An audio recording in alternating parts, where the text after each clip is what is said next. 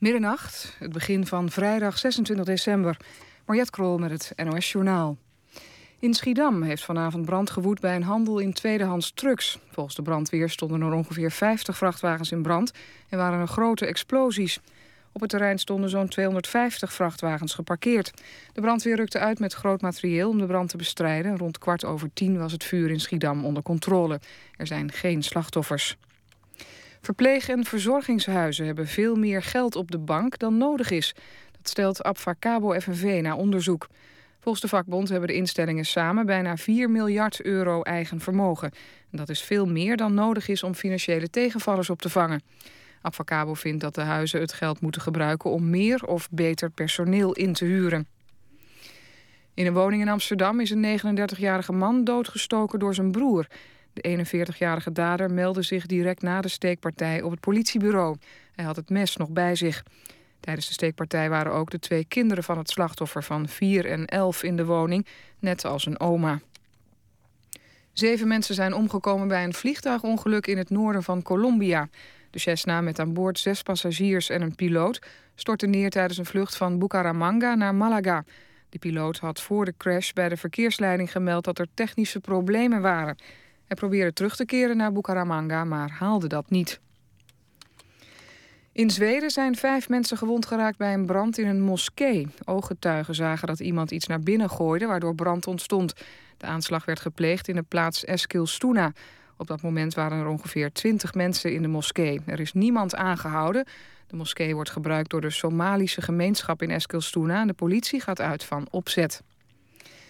Dan nog het weer. Aan de kust nog een enkele winterse bui. Tijdens opklaringen vriest het plaatselijk licht. En er is kans op gladheid. De komende dag 4 tot 6 graden met wat zon. En vanaf de avond gaat het vanuit het westen regenen. Landinwaarts is er kans op sneeuw. Tot zover het nieuws. Dan is er verkeersinformatie. De ANWB meldt twee files. Op de A9 Alkmaar richting Amstelveen... tussen het knooppunt Kooimeer en de afrit Castricum, 2 kilometer... En op de A16 Breda richting Rotterdam... tussen Hendrik Ido Ambacht en Rotterdam Feyenoord 6 kilometer file. En dit was de verkeersinformatie. NPO Radio 1. VPRO. Nooit meer slapen.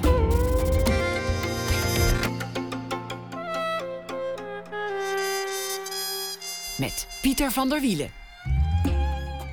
Goedenacht en welkom bij Nooit meer slapen. Straks na één uur bespreken we de beste voorstellingen van 2014 op basis onder andere van wat uh, u zelf heeft ingezonden. En u krijgt een kerstverhaal. Uh, tien schrijvers hebben een kerstverhaal voor ons geschreven. Dit keer is de Vlaamse schrijfster Saskia de Koster die het voordraagt. Ook dat na ene. Maar we beginnen met Leon de Winter. Geboren in 1953 als zoon van een Joodse lompenboer, groeide hij uit tot een van Nederlands meest succesvolle en meest vertaalde schrijvers. En veel van zijn boeken werden ook verfilmd.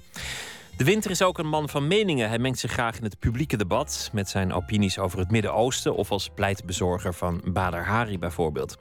2014 was het jaar van Anne, de voorstelling in Amsterdam, geschreven door Leon de Winter en zijn vrouw Jessica Duurlacher. Kort voor de uitzending sprak ik Leon de Winter. Leon de Winter, welkom. Ben je een man van tradities eigenlijk? ja, dat ben ik eigenlijk wel. Ik, ik, Kerst uh, bijvoorbeeld? Ja, ik, uh, nou zeg maar van rituelen. Ik uh, herhaal graag iets. En wat, wat is het kerstritueel in, in, in Huizen de Winter? Oh, dat is zoals bij heel veel mensen. Dat is een, een kerstdiner natuurlijk. Er komt familie en er is er... Wel, de kalkoen, dat valt nog wel mee, geloof ik. Want dat hebben we ook vaak gedaan, of noem maar op. Maar er is een, een, een kerst en er staat ook een kerstboom, een aangeklede kerstboom. En met zoveel eh, moet je dan denken ongeveer?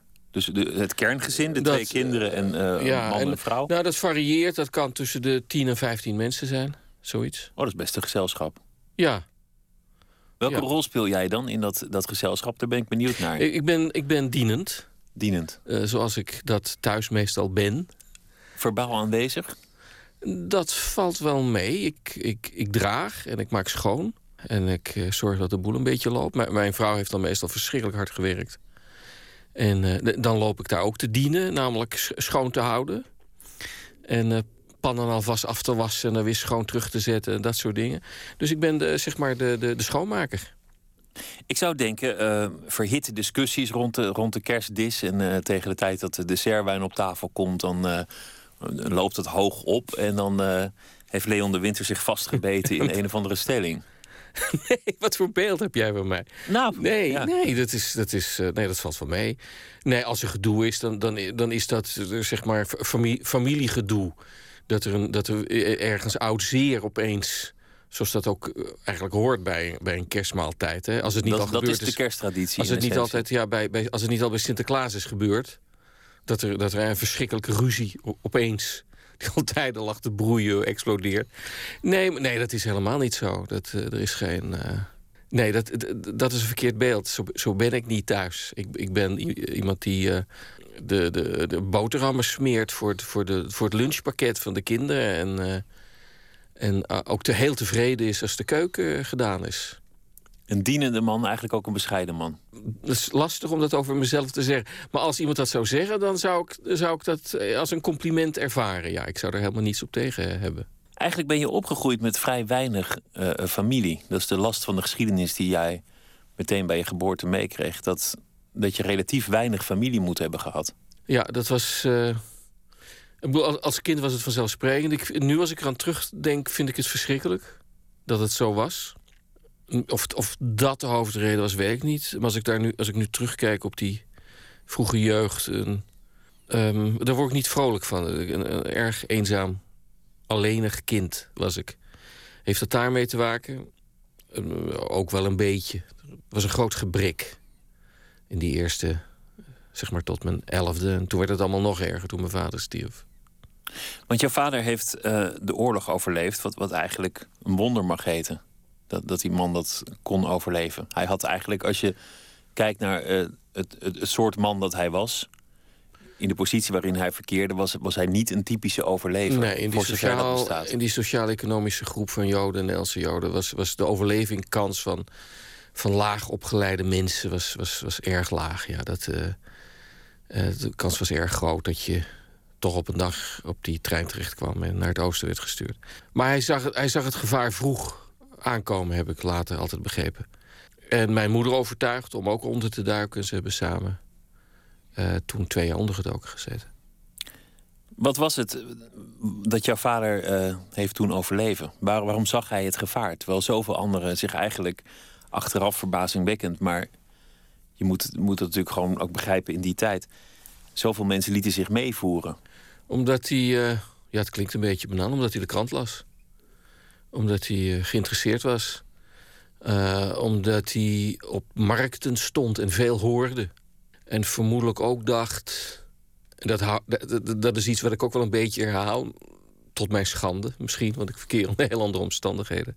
Eh, als ik een fout maak, kan ik beter een fout maken dat ik iets overschat dan dat ik het onderschat. De- de- ik moet rekening houden met het ergste. Maar hij had daar natuurlijk allerlei bewijzen voor. Het was duidelijk wat, er, wat zich aan het ontwikkelen was. Althans, voor de mensen die daar oog voor hadden. Wat er in Duitsland in de jaren dertig zich aan het ontwikkelen was. En hij was ervan overtuigd, eh, het, dit gaat helemaal fout. Dit is iets rampzaligs. En eh, vervolgens nam hij ook besluiten die daarmee samenhingen. Namelijk onderduiken, je moet je verstoppen. We gaan niet als we die oproep krijgen. Die kaart dat je je moet melden voor vertrek naar tewerkstelling ergens in het oosten van Europa. Eh, moet je niet doen. Je moet niet gaan. Daar was hij van overtuigd. Niet gaan. Zelfs dan had het natuurlijk nog mis kunnen gaan. Want ook onderduiken, eh, je kunt verraden worden.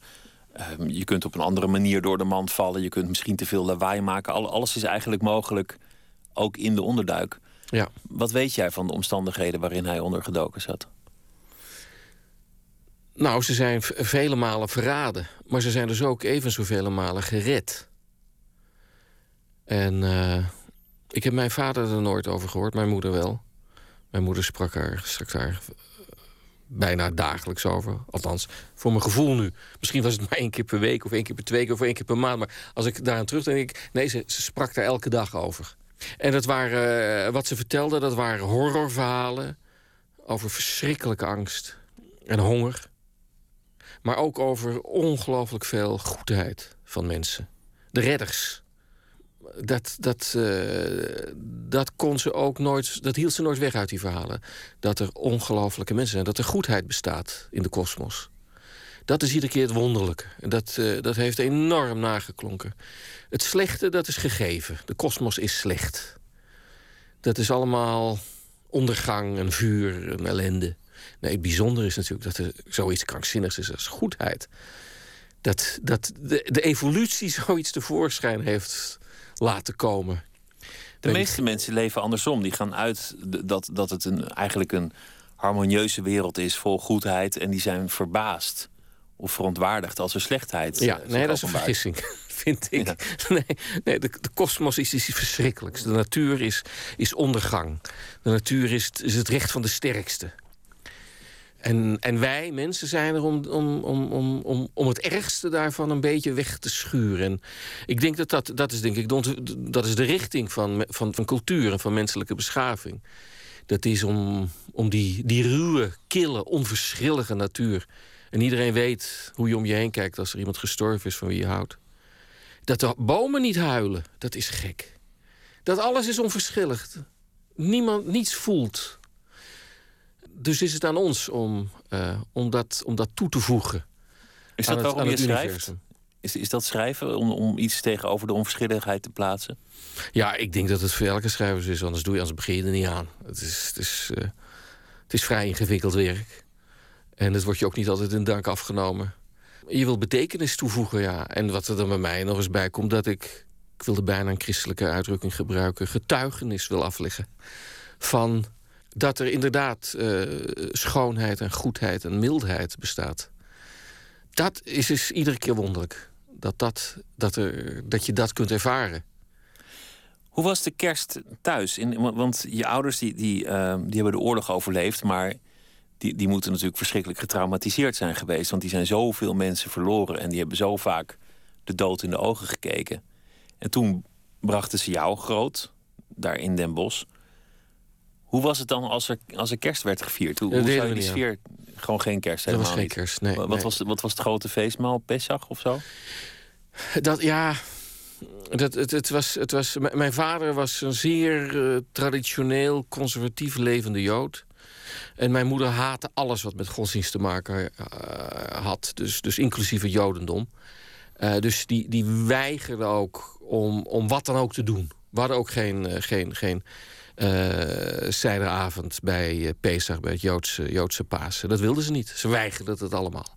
Hele lastige, opstandige vrouw. Ongelooflijk lief, heel, maar heel moeilijk. Dus dat, we, ja, we deden eigenlijk aan niks. Maar behalve dan dat we, dat we op zaterdag met mijn vader meegingen naar de, naar de synagoge. Uh, want daar stond hij op. En, dan en dat vond mijn moeder dan wel belangrijk. Dat, die zei dan tegen haar zoon: Ga nou mee met papa, dat vindt hij fijn. En dat deden we ook. En we hebben natuurlijk allemaal de jongens hebben bar mitzvah gedaan en ik ook. Dus dat, daar werden we heen en weer geslingerd. Dus enerzijds die, dat, die, die zeer traditionele vorm van, van, van religieus leven van, uh, van mijn vader. En daar, daarnaast die anarchist die mijn moeder was. Maar je zei net dat het, dat het eenzaam voelde voor jou om op te groeien in dat, dat gezin. Je ouders die deden hun best om, om, om er toch nog wat van te maken. Ja, absoluut. Ja. Maar wat was het voor, voor sfeer? Wat, wat kreeg jij mee van alles wat je ouders hadden meegekregen?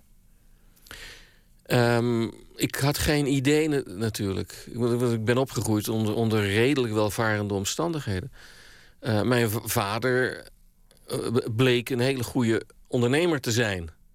Weliswaar met spullen die in zeer laag maatschappelijk aanzien stonden in der tijd. Vodden. Vodden, lompen, metalen, oude metalen. Um, nu zouden we zeggen, hij, hij was een uh, recyclingsexpert. Dat klinkt al beter dan Volleboer. Klinkt een stuk anders, maar toen was dat anders. En ik schaamde me voor. Ik wist dat dat heel, heel laag was. Dat het heel iets, iets, iets was dat, uh, dat, dat, dat geen enkel respect teweegbracht.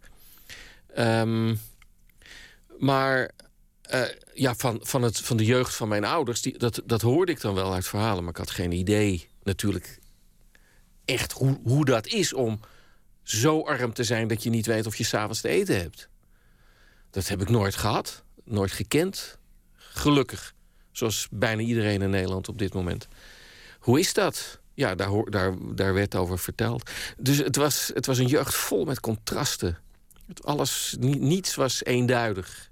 Een contrast tussen het eigenlijk wel goed hebben en... Het en goed een- hebben en die armoede, de veiligheid, de relatieve veiligheid van het gezin en de verschrikkelijke angsten die mijn ouders hadden gekend. Enerzijds de welvaart in dat, in dat mooie witte huis dat mijn vader had laten bouwen. En, maar verdiend met, met iets dat, dat geen enkel aanzien had. D- dat, die contrasten, ja. Verlang je wel eens terug naar, naar je jeugd? Nee, geen seconde. Geen seconde. Ik Want toch klinkt er ook veel in, in, in door van, van een hele lieve moeder... van toch een zekere warmte, een, een zekere Oh ja, nee, het was geborgenheid. tegelijk, het was verschrikkelijk warm. Het was een hele mediterrane vrouw, mijn moeder. Heel donker, klein, breed. Altijd druk met eten maken. Altijd aan het praten, aan het vertellen. Eh, als ik thuis kwam, ja, dan, dan hing ze uren om mijn nek. Ehm, dus was ook heel... Ik bedoel, het, was, het was fysiek. Het was dat, nee, dat was heel fijn. Ik bedoel, dat mis ik verschrikkelijk. Ik zou zo ontzettend graag mijn moeder willen vertellen. Iets over mijn kinderen die ze nooit heeft gezien. En, eh, en hoe goed het met me gaat. Ik zou dat zo graag willen delen. Dat kan Nou ja, je, je moest natuurlijk ook verder. Je, je moet het huis uit, zoals Ja. iedere jonge man het huis uit moet. In Ja. eigen leven voor elkaar boksen, uitvinden wat je zelf wil. Wegkomen uit Den Bosch. Absoluut. De weg naar de grote stad zien te vinden. Ja. eh, eh, Ja. Vele paden bewandelen. Dus Ja. waarschijnlijk heb je het ook heel lang achter je gelaten. Dat hele verleden, die hele Ik geschiedenis. wilde vanaf mijn zesde weg. Toen ik me van dit alles bewust werd, en het was al vrij jong, dacht ik: ik moet hier weg. Dit is niet goed. Het is niet goed om hier te blijven. Ik moet weg uit die stad. Ik kom er ook nooit meer. Ik wil er niet zijn. Ik word, ik word overvallen door de meest verschrikkelijke dingen. Ook niet als je een voorleesavond hebt in, in, in Den Bosch of een, of een Dan kom of ik zo laat mogelijk en ga ik zo snel mogelijk weg. Ik kan Voelt nog steeds niet goed. Het voelt nog steeds niet goed. En eh, ik wil het ook niet oplossen. Het, het is, dit is wat het is. En eh, ehm, ik heb er nooit gehoord. Ik hoorde er niet. En ik wil ook niet mijn beste voor doen. En, en- en daarmee doe ik al die ontzettend lieve, aardige mensen daar onrecht. Hè. Maar die Dat wonen overal wel, eh, lieve mensen. Die kunnen- wonen gewoon, gelukkig zijn, zijn Ja. die op heel veel plekken in de wereld aan te treffen. Ja. Is er een moment geweest dat je je geen Jood hebt gevoeld in je leven? Dat je daar niet mee bezig Nou, ik was? wilde er he- heel. Ik wilde er vrij lang niks mee te maken hebben. Toen, zeker natuurlijk in mijn puberteit. Toen ik. Dat je denkt, ik, ik, ik, ik ben authentiek en ik ben autonoom en ik wil niks. Ik heb niks met, met de- die familie en met het verleden en dat maffe jodendom. Wat moet ik ermee? Alleen maar ellende en Tweede Wereldoorlog. En niks wilde ik ermee te maken hebben. Ehm, en dat heeft wel eh, een, een tijdje geduurd, ja. Op een zeker ogenblik in, in je boeken duikt het op. Volgens mij was het eh Place de la Bastille. Dat was Ja. volgens mij het eerste boek waar, waarin die Joodse identiteit ineens... Ja, mooi beschreven als, als een soort blok aan het been van dat personage... ja, mee wordt er- gesleept ik, door word, Het wordt daar inderdaad mee gesleept zoals ik dat zelf op dat moment ook had. Ja, ik was daar was erg in verwarring over. Ik wist niet of, of dat nou... Of ik me daarmee moest verzoenen of, of niet. Of ik, wat, wat, wat, wat, wat had ik ermee? Niet gelovig. En dat zijn nog twee andere dingen, hè? Jood zijn of, of gelovig. ja, nee, dat is zo. Maar ja, het helpt wel als je dan ook nog eens gelovig bent. Dus ik werd daar heen en weer geslikt tussen, tussen mijn vader en mijn moeder. Is er een moment geweest dat je, dat je ervoor gekozen hebt... dat je dacht, oké, nou ja, het is er nou eenmaal... Ik, ik ben gewoon voortaan Jood. Maakt mij wat uit. Nou ja, dat gebeurde eigenlijk, eigenlijk ook bij het schrijven, denk ik. Toen ik, met, eh, toen ik Kaplan schreef. Eh, waarin ik eigenlijk iets over mijn ou- ouders, mensen als mijn ouders. Het is, het is absoluut geen autobiografisch boek. Ehm, maar mensen zoals mijn ouders waren. Dat ik, dat ik me ervan bewust werd dat, eh, dat ik een verhalenverteller was in een bepaalde traditie dat ik geen intellectualistische schrijver was. Die, die ambitie had ik toen ik, toen ik begon. Wilde ik, aan, ik wilde aanknopen bij, eh, bij, bij, bij een soort literatuur in die tijd. Als je het hebt over de jaren zeventig, eh, had je de, nieuwe Duitse literatuur. We zijn het al, allemaal al lang, godzijdank, vergeten. Ehm, maar ja, dat, dat, dat, had, dat was voor mij op dat moment in- interessant, intrigerend. Het was, had een bepaalde eh, intellectuele complexiteit. En, en, ik, en ik merkte al als schrijvende dat ik, dat ik een verhalenverteller op de markt was. dat dat mijn plek was. Dat, dat, dat is wat mijn vader ook was. En de vader van mijn vader. En dat je dus in een, in een traditie stond. En dat ik, en dat, dat, dat dat helemaal niet erg was. Dat ik dat gewoon nee, mo- mooi mocht voortzetten. Daarvoor, daarvoor, op een was andere je, manier. daarvoor was je een man met, met, met lang haar, geloof ik. En, en misschien wel een baard zelfs. Ja, een baard, ja, zeker. En, en eh, ja, zich ophoudend in bepaalde kringen. Een hele belangrijke Ja. gedachte Ja, heel, heel, heel in- interessante eh, essays eh, schreef ik. Dat heb je achter je En gelaten. toen dacht ik me, op een dag, dat gebeurde, ik, opeens schieten minuten binnen. Fijn dat je me daaraan herinnert. Ik was een boek aan het lezen van Peter Handke. Wat een grote Duitse schrijver, Oostenrijkse trouwens, Oostenrijks-Duits schrijvende schrijver is. En ik was helemaal bezeten in die tijd van Handke. En, toen- van Handke. en toen was er een nieuw boek van hem uit en dan begon ik te lezen. En opeens dacht ik, ik verveel me helemaal stuk. En ik doe net of dit interessant is. Maar ik voel niks, ik moet moeite doen. Wat, wat, ben ik, wat ben ik aan het doen eigenlijk? En dan moet ik ook nog een stuk over schrijven. Ik, ben gek, waarom? Want ik vind andere dingen veel leuker, veel interessanter. Ik, eh, ik, wil, ik wil leven in dat in, aantreffen als ik lees. En ik wil lachen en ik wil huilen. En ik dacht daarvoor, ja, lachen en huilen. Kom op, dat doe je toch niet als je leest? Dus daar kwamen een aantal dingen bij elkaar. Namelijk de, de, de traditie van verhalen vertellen. Dat, dat ook eigenlijk dat warme mediterrane wat je beschrijft van huis uit. Dat, dat kwam veel meer in je, in je werk terecht. Kaplan, het gaat niet over je vader, maar, maar zijn geest waart wel rond in dat, dat boek, eh, kun je zeggen. Terug naar die kersttafel. Eh, Als jij daar de dienende man bent die de borden afruimt en zorgt dat de vaatwasser eh, goed blijft spoelen, zodat Ja. eh, dat alles een beetje op orde blijft. Vertel jij dan ook als een verhalenverteller dingen aan je kinderen of probeer je een soort traditie over te brengen? Nee, niet met kerst. Dat heb ik vroeger wel gedaan, want, want wij zijn thuis op een gegeven moment wel zijderavond gaan vieren. Ehm, met, bij, het, bij het Joodse Pasen. Maar dan, dan kwam ik met mijn, met mijn verschrikkelijke, ongelovige variant van de uittocht uit Egypte. om, om ervoor te zorgen dat de kinderen goed, goed aanreligieus geïndoctrineerd werden.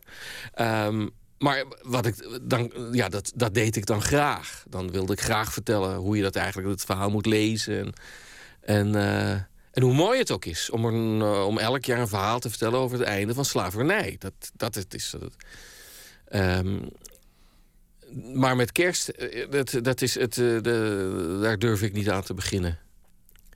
Om, dan, om daar, daar dan ook nog weer eens iets te gaan vertellen. Maar dat valt ook buiten het bestek natuurlijk. Het een, het is een christelijk ritueel geworden.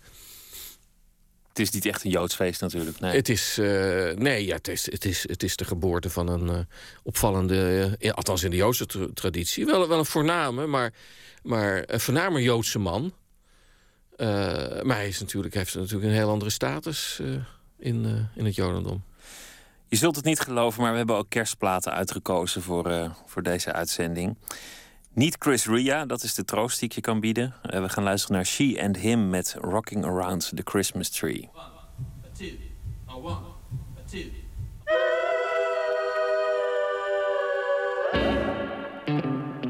Rocking around the Christmas tree at the Christmas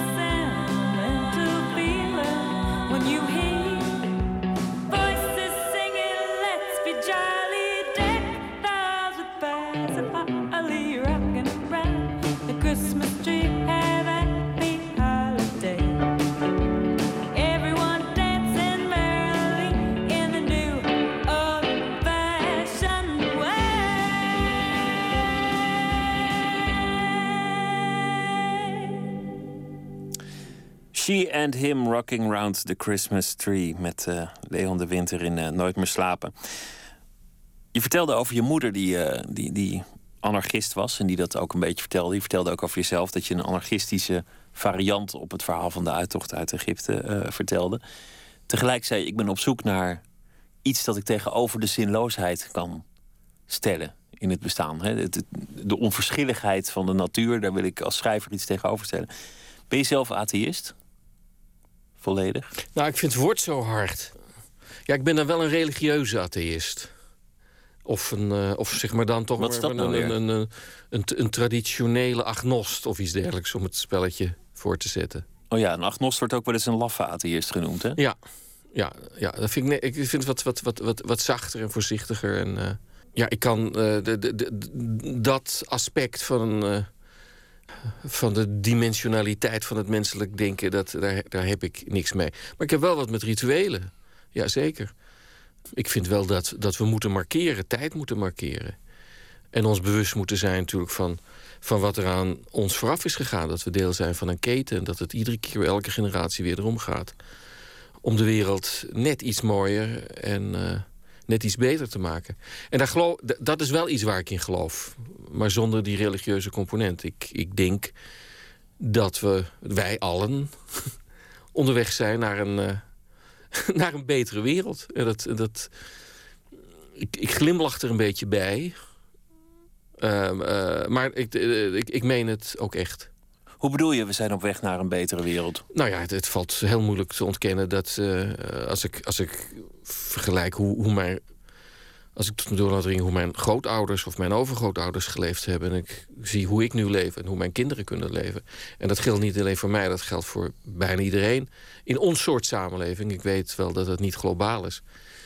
Maar dat zal op een gegeven moment iets globaals worden. Oh, je bedoelt gewoon vooruit. Ik dacht Ik even heb, dat echt, je het... ik heb het eh, over vooruitgang. Ik heb ik het dacht over dat je het hiernamaals bedoelde. Nee, ik heb het niet over het hiernamaals. Ik heb het Oh. over, over hier en nu. Over van het hiernamaals Ja. weet ik niks. Ik ook niet, nee. Ik weet helemaal niets van het hiernamaals. Nee, maar vooruitgang is... Vooruitgang, gewoon dat we, Ja. dat we, dat we in, in, in, in, in, in, in grotere gezondheid langer en veiliger eh, met minder honger kunnen leven.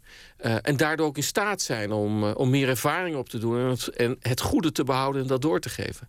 In wezen ben je dus een optimistisch mens. Ja, zeker.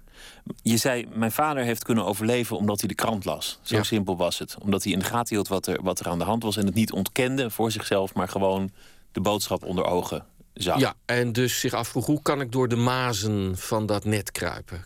Kan ik er doorheen? Kan ik overleven? Over jezelf zei je, ik heb liever dat ik iets overschat... dan dat ik het achteraf gebagatelliseerd heb Ja. en het erger bleek te zijn. Ja. Hoe, hoe ver gaat dat inmiddels? Want, want ik weet dat jij een fervent krantenlezer bent. Die les heb je alvast je aangetrokken. Maar, Ja. maar hoe zorgelijk ben je over de wereld? Ehm, we hebben nog wel een paar problemen op te lossen, geloof ik. Ehm, maar op langere termijn eh, ben ik uitermate optimistisch. Eh, dit, dit wordt, een, eh, denk ik, een, een ongelofelijke eeuw. Ik vind het zo jammer dat ik niet meer, dat ik nu niet meer tien ben nu. Dit wordt zo'n fascinerende periode van de menselijke geschiedenis. Ehm, en ik, ik, zou, ik, ik ben zo nieuwsgierig. Ik, had, ik, wil alles meemaken wat er dit jaar, de- de- deze eeuw, kan gaan gebeuren. En ik ben er ook van, over- van overtuigd dat er heel veel gaat gebeuren. In goede zin. Grote, grote problemen. Eh, op, op bijna elk gebied eh, waar, we, waar wij mensen ons mee bezighouden. Ehm, maar ja, er is ook zoveel vreugde zoveel lol. Maar ja, de, de zoveel 20e ontdekken. eeuw was eigenlijk eh, in heel veel opzichten een prachtige eeuw. De eeuw van eh, enorme mobiliteit. De, de, de vliegreizen, de snelle boten, snelle treinen, eh, Ja. de, de auto. Ja. De eeuw van, van de jazz, de rock'n'roll, eh eh prachtige kunst. Maar tegelijk ook een eeuw van extreem geweld, extreme gruwel. En, en de meest verschrikkelijke slachtpartijen. Ja, ooit. Dat, dat, het, dat lijkt zo, maar dat is niet zo. Het is. eh, in de menselijke geschiedenis is. eh, de ergste slachtpartijen waren. eh, was, hadden al die menselijke groeperingen, al die nomaden. voordat we ons gingen vestigen. En, eh, en, de, en, en de landbouw ontdekt werd. In die honderdduizenden jaren van, eh, van menselijke existentie daarvoor. Ehm, dat daar waren de slachtingen. Toen we leefden in groepen van 50 individuen... en als je een andere familie tegenkwam... een van die twee overleefde en... eh, die de gedood werden, die werden opgegeten. Maar ja, dat, dat, zijn, dat is voor mij dan de maat. Dat is de norm. De norm is dat, ik, dat wij met z'n tweeën hier nu niet rustig... in het grootste deel van de menselijke geschiedenis... zouden wij nu van verschillende stammen, van verschillende families... in één ruimte kunnen zitten. Want we, hadden, we zouden meteen gaan vechten over de vrouwtjesdieren... die daar achter dat glas zitten. En dan hadden we net zo lang met elkaar gevochten... en een van de twee was gestorven... tot we die vrouwtjesdieren hadden kunnen meenemen. dat is de natuur. Dit is gewoon Dat de natuurlijke conditie. Dat is de baas. Er is een, een weg afgelegd. Niet altijd, want je ziet toch weer vormen zoals in Syrië en Irak op dat moment. Wat die, die vrij sterke, directe varianten van dat bestaan zijn. Uh, maar kunnen samenleven in grote steden met honderdduizenden inwoners... of in een stadion zitten met 50.000 man. Zonder dat er iemand wordt gedood. Wauw, dat, is, dat betekent dat Daar we zo ook vaak ongelooflijk onze heel driften veel, kunnen eh, beheersen. Mannen met hesjes en knuppels tussen, dat hoor. moet er altijd bij, maar eh, we- leren onszelf in steeds grotere mate onszelf te beheersen. Ehm, en dat, dat zijn grote stappen die we maakten. Een paar honderd jaar geleden konden we echt niet van Amsterdam naar Hilversum reizen. Eh, er, waren, er waren overal struikrovers. Het was, het was doodeng. Eh, de steden waren pikken donker. Moet je eens voorstellen ook wat de elektrische revolutie teweeggebracht heeft in de 19e eeuw. Nu vinden we het volkomen vanzelfsprekend. Maar dat er niks was. Of gaslampen waren er.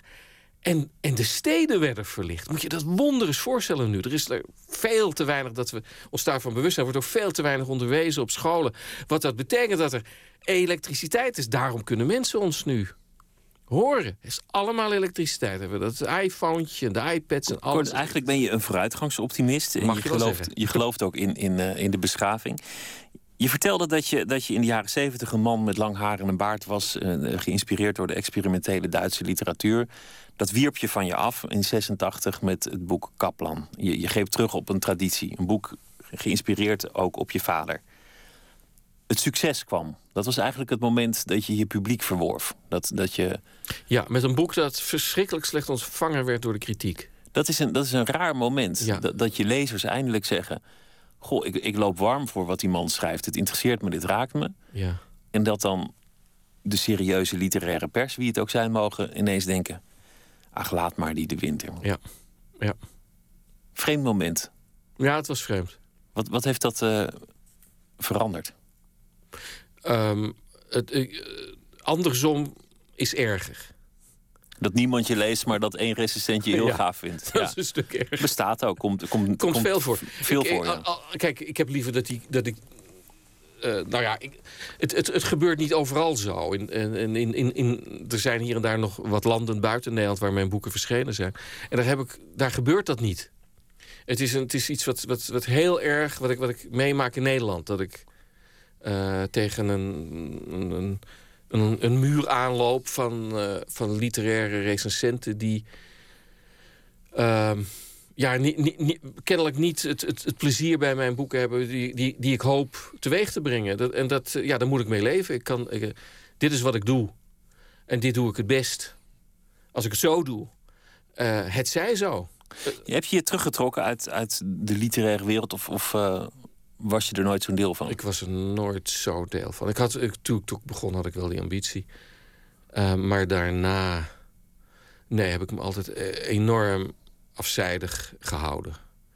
Ehm, maar dat, dat doe ik over het algemeen. Het is... Het is eh, Meestal zit jij gewoon thuis in, in Bloemendaal ik achter zit, je scherm ik te zit werken. thuis eh, in de keuken met mijn laptopje. Of ergens anders in, in de Verenigde Staten bij voorkeur, waar het warm is en, in, En waar het... Ja, ja, ja. Ik en waar je gewoon eh, kan werken. Ja, ik heb wat dat betreft niet veel meer nodig dan, eh, dan, dan mijn vrouw in de buurt. Als ik haar maar hoor, dan is het goed. Ik hoef het niet eens te zien. Als ik er in de keuken zit en ik hoor erin dat ze in de kamer zit... en ze praat met iemand, maakt niet uit. Dat, eh, en de kinderen rommelen een beetje rond. Ehm, en de radio staat dan zacht aan. Een heel huiselijk iemand. Ja, eigenlijk. en dan ben ik zielsgelukkig. Geborgenheid. Dat, dat is echt Enorme geborgenheid. geborgenheid en, en, en, en dichtbij, ja. Alles in dat ene huis tussen die vier muren. Erg fijn. Er is in je, in je loopbaan op een zeker ogenblik nog iets eh, veranderd. Het is namelijk dat je enorm geëngageerd bent geworden. Ik weet, ik weet eigenlijk niet of je dat eerder in je loopbaan zozeer was, maar er lijkt een soort moment te zijn geweest dat je, dat je in de pen klom voor columns, ingezonden brieven, dat je echt deel ging nemen aan het debat. En, en meningen had over de actualiteit. Is dat een verandering geweest? Ja, dat is een verandering geweest. Dat werd ook. Dat, de- eh, zeker na 9-11, waar, waar ik verschrikkelijk van geschrokken ben. Ehm, Iedereen wel, toch? Iedereen. Zeker, iedereen. Het is. ehm, het was bij ons misschien nog een fractie erger. Eh, om, om, omdat we het gevoel hadden dat dit, dat dit niet zozeer te maken had om. En daarin verschil ik van mening met andere mensen. Eh, omdat ik toen ook. Toen en nog steeds vind ik het zo. Dat, dat, dat, dat gebeurde niet zozeer om wat we gedaan hadden. Of wat Amerikanen gedaan hadden. Maar om, wat, om wie ze zijn. En, ehm, en er kwamen ook er andere dingen bij, details. Zoals, ik, ik vond die torens zoiets moois. Ehm, En je hield van die stad. en ik hield van de stad. We waren er net een paar dagen ervoor geweest. We hadden boven in die torens net gegeten. Een paar dagen eerder. We waren net terug. En New York zat nog gewoon in onze kleren. En eh, we- daar schrokken we verschrikkelijk. We waren totaal in paniek. En, we- en het eerste wat we dachten, we moeten nu naar Amerika. Nu moeten we naar Amerika. Daar is het nu veilig. Niet hier, daar juist. Daar, daar weten ze nu hoe het is. Die zijn gewaarschuwd, die passen wel op voortaan. Die passen wel op, ja. Eh, en ja, ver- vergeet ook niet, er gingen natuurlijk ook geruchten rond toen. Het was, dit, dat zou niet daarbij blijven. Er, was, er zou veel meer gebeuren. En dan, eh, gelukkig is dat niet zo ge- gegaan. Ofschoon daarna natuurlijk Als je het alle optelt, ellende in het als je het Midden-Oosten. optelt, is er nog best veel eh, gebeurd Er natuurlijk. is, er is daarna nog er is Londen geweest, Madrid geweest. En natuurlijk, dat, uiteindelijk is ook dat hele Midden-Oosten op zijn kop gaan staan. Ehm, ik ben daarna ben ik me, heb ik jaren hierop gestudeerd. En ik, wil, ik wilde weten, wat, hoe zit dat nou eigenlijk?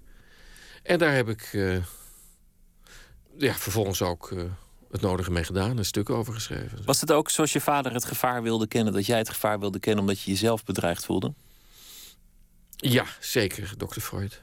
Ja, dat is, want, want uiteindelijk, het ging om het kapitalisme, maar in, in dat soort kringen wordt het kapitalisme en het, het jodendom in Amerika op wonderlijke wijze in één adem genoemd. Ja.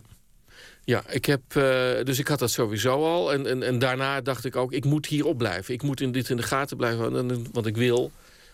Het, het, het is zonder enige twijfel te veel allemaal. Want het is niet nodig ach, gebleken. Maar ik moet toch de mensen van wie ik hou proberen te beschermen. Als het, we moeten toch zorgen dat de koffer gepakt is en bij de deur staat. Voor het geval we hals over kop weg moeten.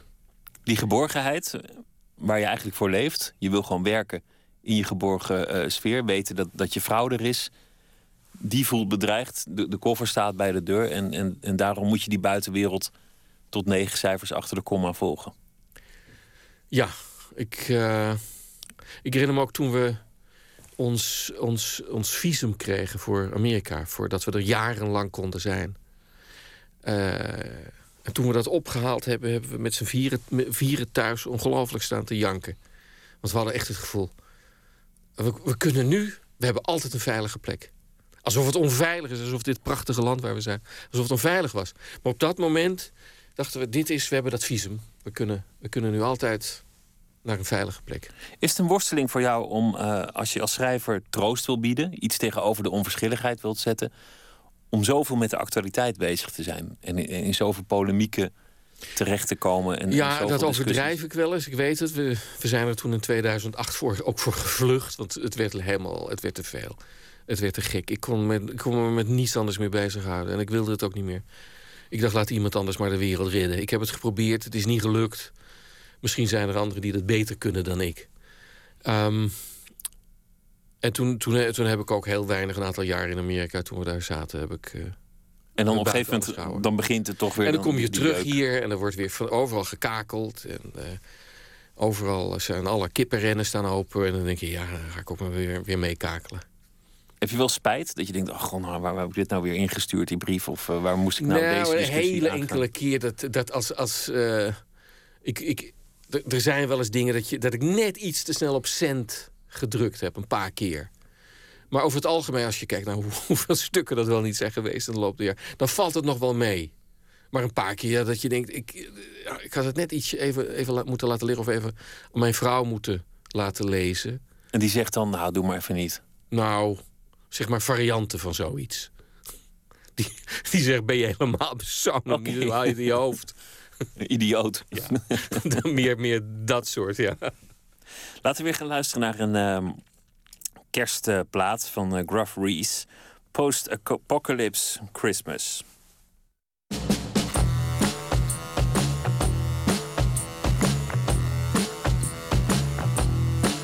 It was the first Christmas of the post-apocalypse, post-apocalypse Christmas, and the snow was Asia with a kiss. Post apocalypse Christmas.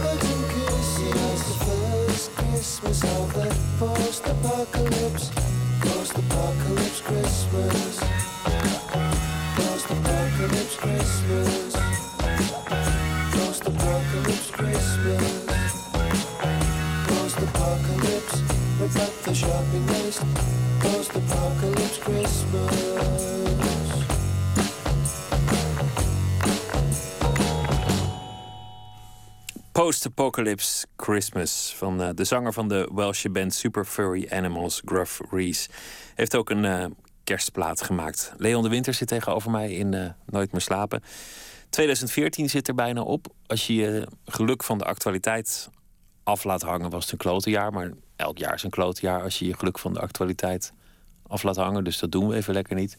Was het een goed jaar? Dat was een, een, een, heel emotionerend jaar was het. Ehm, ik wilde... eh, vanaf dat ik jong was, toen ik eh, het dagboek van Anne Frank voor eerst las op de middelbare school. Ehm, en, dat, en dat, geloof ik, dagenlang huilend, alleen maar huilend heb gelezen. Ehm, ik, wilde, ik wilde altijd iets, iets mogen doen. Als, als dat kon, om met dat dagboek iets te doen. En dat, eh, en dat gebeurde. Dat mocht. En in die zin was het wel, erg fulfilling. Ehm, dat was een eh, waanzinnig moment om dat mee te mogen maken. Ook op de manier waarop, waarop uiteindelijk dat, dat stuk geproduceerd is. Samen met je vrouw geschreven. Ja, Dat, dat is natuurlijk op zich al eh, wonderlijk om, om als twee echte lieden samen te moeten werken. Lijkt me ingewikkeld. ja was het ook. Was waarschijnlijk ingewikkeld. En Ah. dan, en dan zo'n eh, bekend verhaal. En ook dat nog, hè. Nou ja, zoals je hoort, ik ben erg mild. Mijn vrouw is natuurlijk erg hard. Dus dat waren behoorlijke discussies. Ja, en, eh, ehm, maar daar zijn we uitgekomen en, eh, en, en, en, en prachtig verder uitgewerkt door de regisseur en de producent. Ehm, dat, dat was voor ons thuis heel belangrijk. En een ander ding is dat, eh, ja, dat onze dochter haar eerste roman publiceerde. Dat was misschien nog... Nou ja, dat was net zo emotioneel. Dat was voor ons ook iets, iets waanzinnigs thuis om dat mee te maken. Dat, dat... Kind van twee schrijvers, die eh, kan natuurlijk ook kiezen van... nou, ik, ik doe het bij uitstek niet. Ik ga eh, iets commercieels doen of iets, iets totaal niet eh, creatief. Ja, ze had, kunnen denken, ik ga bij de radio werken. Of ik word tandarts, of ik loodgieter. Het maakt zijn niet tal uit. van degelijke beroepen te bedenken. hemelsnaam niet zoals die twee de hele dag naar me thuis hangen. Ehm, maar ze, doet, ze doet niets liever en ze schrijft al heel lang. En ook om dat proces helemaal mee te maken. En de, de, de, de honger in de ogen te zien naar verhalen en naar techniek. En, en, en eh, hoe moet je een scène, hoe moet je, wat, wat zal ik aan die scène doen? Lees eens papa, lees eens die scènes. En eh, het is goed hè. En, en, en dat, dat mee te maken, dat ontwaken van een talent, eh, dat, eh, dat, dat maakt ook iemand erg nederig. Over Anne. ehm, een, een van de wonderlijke dingen is natuurlijk dat het, dat het boek eigenlijk in, in theatrale zin vrij beperkt is. Want het speelt zich allemaal af in de beperkte ruimte van het achterhuis. Het einde, iedereen weet dat het komt, maar dat is eigenlijk de hele dramatiek van het boek. Ja. Namelijk dat het ophoudt, Ja. abrupt. Dat, Ja. dat de volgende bladzijde niet geschreven is en vul maar in. Ja. Heel moeilijk om daar een, een theaterstuk van te maken, lijkt me. En zeker omdat het zo gevoelig ligt. Omdat iedereen natuurlijk bereid is om het kitsch te vinden... of om, om te zeggen dat je van slechte smaak hebt getuigd... wanneer je haar wel laat doorleven... of wanneer je wel het kamp afbeeldt... of Ja. wanneer je fantaseert Ja, over was wie erg- was zij geworden. Dat was ingewikkeld. Het, daarbij kwam er ook nog eens bij dat, we, dat wij anders dan de, dan de schrijvers van, de eerste, van het eerste toneelstuk, eh, gebaseerd op het, op het dagboek uit 1956, eh, die hebben er ook gewoon dingen bij verzonnen. Die staan helemaal niet in het dagboek van Anne als je dat terugziet. Dan denk je, maar dat kan helemaal niet. Ehm, maar we mochten het ook niet. Wij moesten echt elke scène aan het fonds, het Anne Frank Fonds, moesten we moesten we dus annoteren. Dat komt op die pagina. Dat is die dag, dagboek aantekening van Anne. Alles moesten we verantwoorden.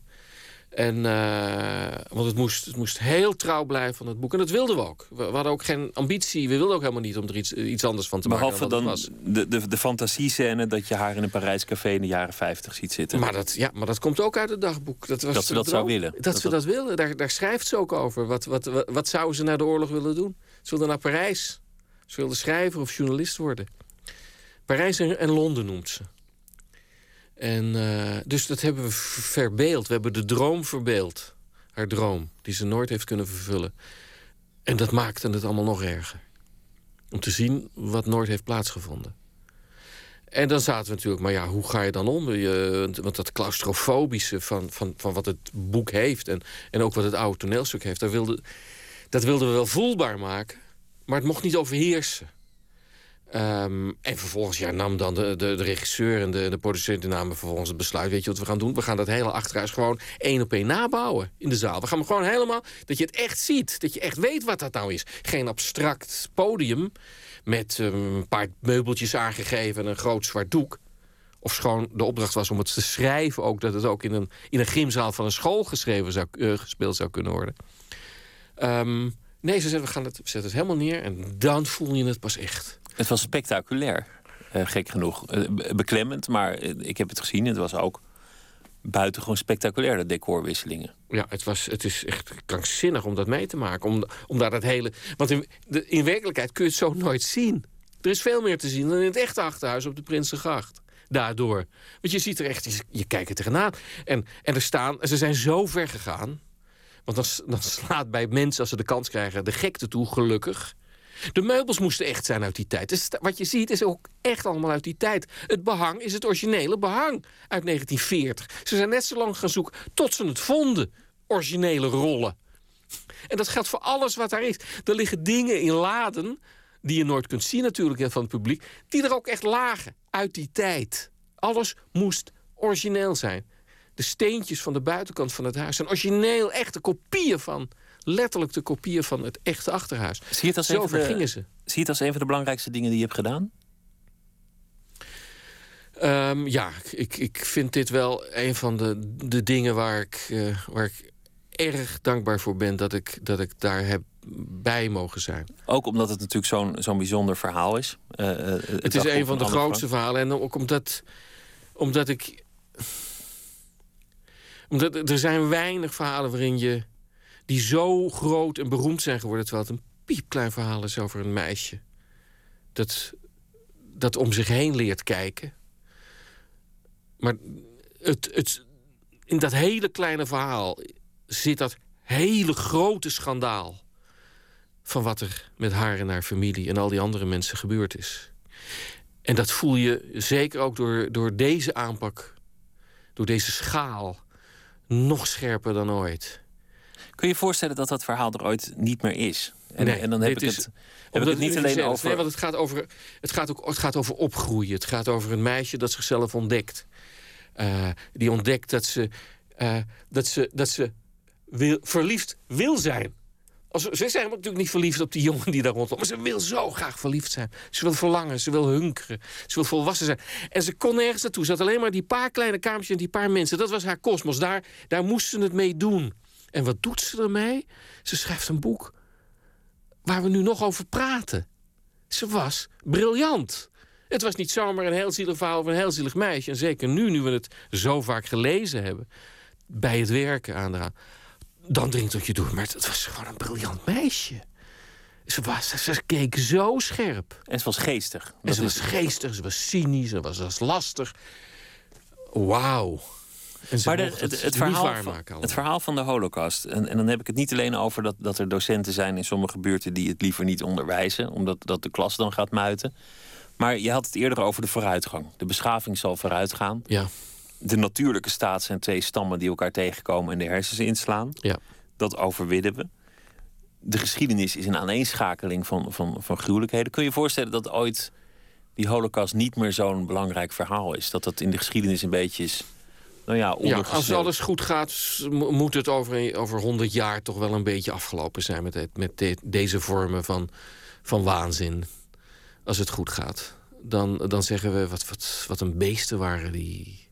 Maar dat, dat die geschiedenis ook, ook niet meer zo herdacht wordt. Dat, dat het ook niet meer echt een onderwerp is van, van, van films. Dat misschien het dagboek nog gelezen wordt van Anne Frank. Maar dat, dat het, dat het, gewoon een verhaal het is houdt pas op als we elkaar niet meer naar het leven staan.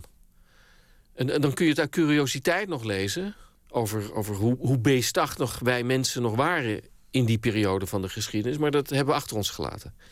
Ehm, dan, wordt het, eh, dan krijgt het een totaal andere dimensie, een heel andere lading. Pas dan zal ze niet meer gelezen worden. Zolang we elkaar nog afmaken, blijft ze dat symbool van, eh, van, van, van, van, van beestachtigheid. En in jouw eigen leven, zal in jouw eigen leven die, die, die oorlog, die vervolging van de Joden ooit voorbij zijn? Dat het niet meer zo'n rol speelt in, in wie je bent en hoe je werkt? Ehm, ik, ben, ik, ik ben er niet de hele dag mee bezig, natuurlijk. Ehm, Niet in letterlijke zin, niet, maar nee, niet in letterlijke zin. Ook heel vaak niet in, in figuurlijke zin. Eh, in mijn volgende boek is dat überhaupt niet aan de orde. Eh, in mijn vorige boek, mijn laatste boek, was dat ook niet zo aanwezig. nou ja, het ging over, over fundamentalisme en haat en, en, ja, dat soort dingen, maar dat is, eh, dat is, dat is dan wel heel erg indirect. Ehm, ik kan me voorstellen dat ik op een gegeven moment over heel andere dingen schrijf. Over. Dat kan natuurlijk. Mensen, mensen ontwikkelen zich. En, eh, en je kunt door alles en nog wat geïnspireerd worden. En ik kan me voorstellen dat ik eh, op, op, een, op een dag over, alleen nog maar over vlinders en bijtjes en zo ga s- schrijven. Nou ja, dat is eigenlijk helemaal niet, niet eens zo'n gekke opmerking, omdat het ehm, ook, ook in zekere zin is wat je drijft. Om- Jij zit het liefste, zei je net, thuis. Als ik maar hoor dat mijn vrouw er is, in, in die geborgenheid, daar voel ik mij toch het lekkerst. Gewoon, gewoon achter de deur. Eigenlijk niet iemand die, die de literaire scene in eh, hoeft, die op het applaus zit te wachten. Dus in zekere zin is het ook wat jou, wat jou gaande houdt, is jouw betrokkenheid bij de wereld en jouw angst voor, voor de onverschilligheid ervan. Ja, nou ja, uit, uit, uit angst dat, dat wat zo mooi is. En eh, dat dat, dat, dat eh, bedreigd wordt, dat het beschadigd raakt. Dat is, dat is in, in, in die zin ben ik een conservatief, want ik wil behouden wat er is.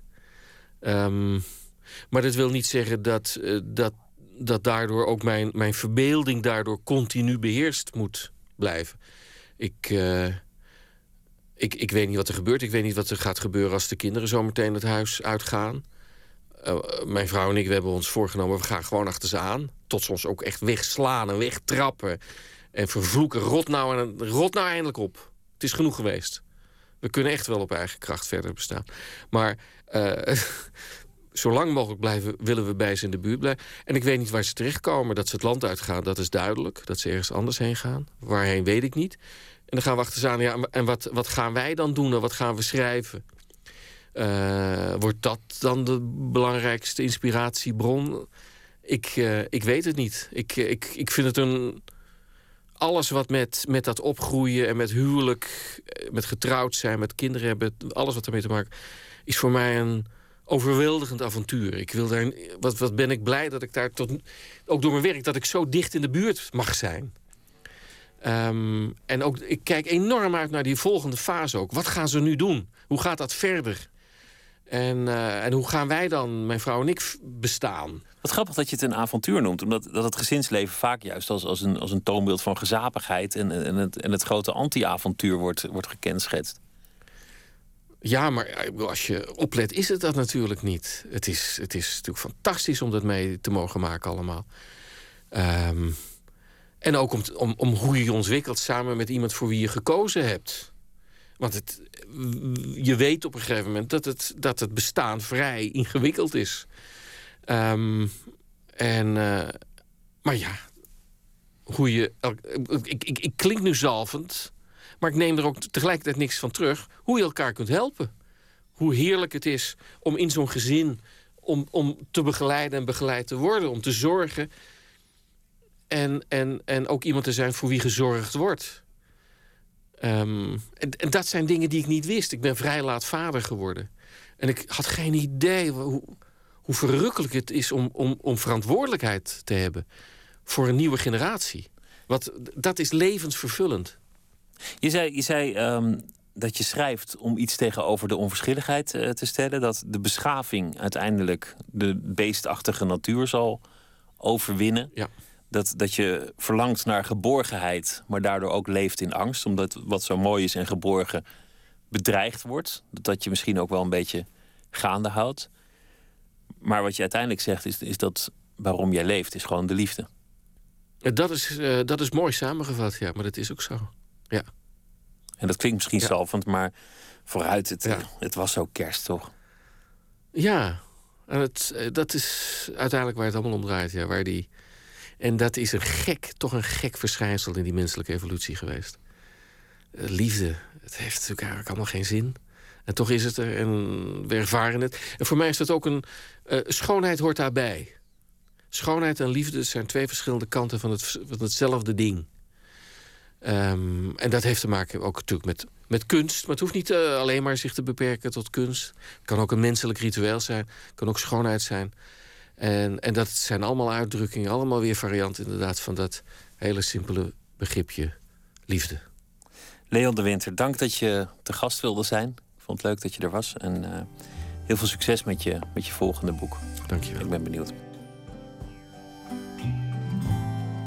Zometeen in eh, Nooit meer slapen gaan we verder met het eh, kerstverhaal van eh, Saskia de Koster, Vlaamse schrijfster. Ze heeft een kerstverhaal gemaakt dat ze gaat voordragen.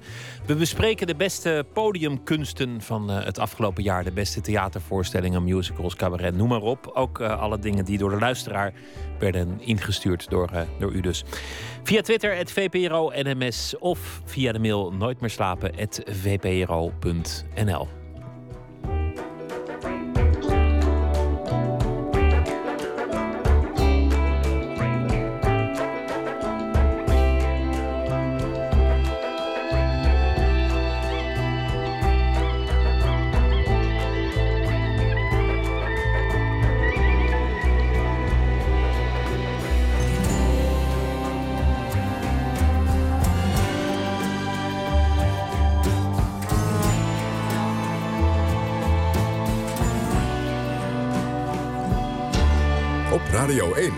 Nieuws van alle kanten.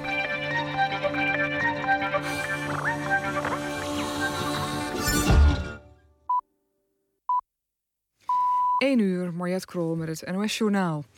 In de Somalische stad Mogadishu zijn drie VN-medewerkers en een burger gedood bij een aanslag.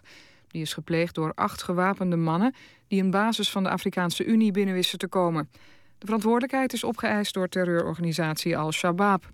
De acht terroristen droegen uniformen van de Afrikaanse Unie. Vijf van hen zijn gedood, de drie anderen zijn gevangen genomen. Al-Shabaab wil de regering in Mogadishu omverwerpen en de sharia invoeren in Somalië. In de Indonesische stad Banda Aceh op Sumatra is een herdenking gehouden voor de slachtoffers van de tsunami in 2004. Het is de eerste plechtigheid in een serie herdenkingen ter nagedachtenis aan de slachtoffers. Vandaag is het precies tien jaar geleden dat er meer dan 200.000 mensen om het leven kwamen door het natuurgeweld. Ook onder meer in Thailand en Sri Lanka wordt stilgestaan bij de ramp. In Banda Aceh verzamelden zich duizenden mensen in de grote moskee.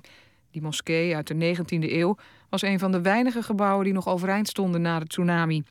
Aceh was een van de zwaarst getroffen gebieden. Alleen al in de Indonesische provincie kwamen 170.000 mensen om. Op een bedrijventerrein in Schiedam zijn de afgelopen avond zo'n 50 vrachtwagens uitgebrand. Op het terrein van een handel in tweedehands trucks, waar zo'n 250 vrachtwagens geparkeerd stonden, ontstond brand en waren explosies te horen. Volgens de Schiedamse brandweer waren dat ontploffende vrachtwagenbanden. Er zijn geen slachtoffers. De oorzaak van de brand is nog niet duidelijk. Dan nog het weer. Vannacht tijdens opklaringen plaatselijk vorst en kans op gladheid. De komende dag wordt het 4 tot 6 graden met wat zon. In de avond vanuit het westen regen en landinwaarts mogelijk natte sneeuw. Bij zee is er kans op stormachtige wind. Dit was het NOS Journaal. NPO Radio 1. VPRO. Nooit meer slapen.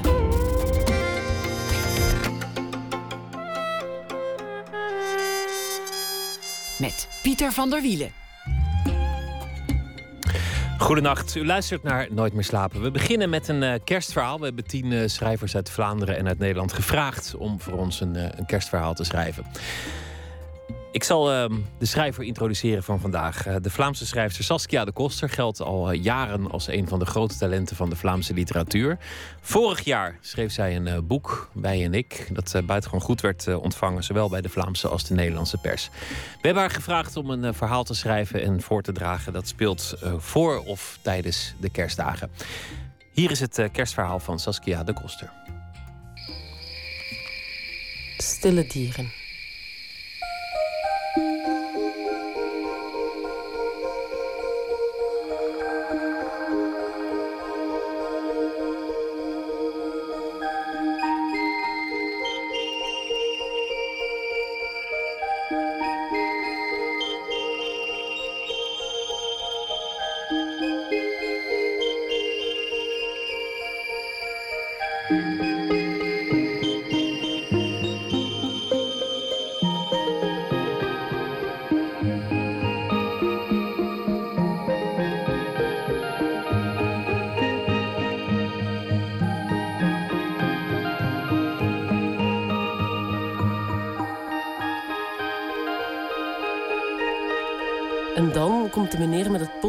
Slaap binnen in je kamer. En dan tekent hij een blauwe lijn op de muur.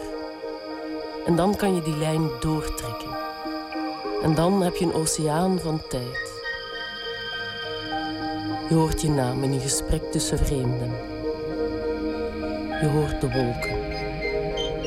Je hoort de vissen in de koelkast. Je hoort de wolken kilometers boven ons.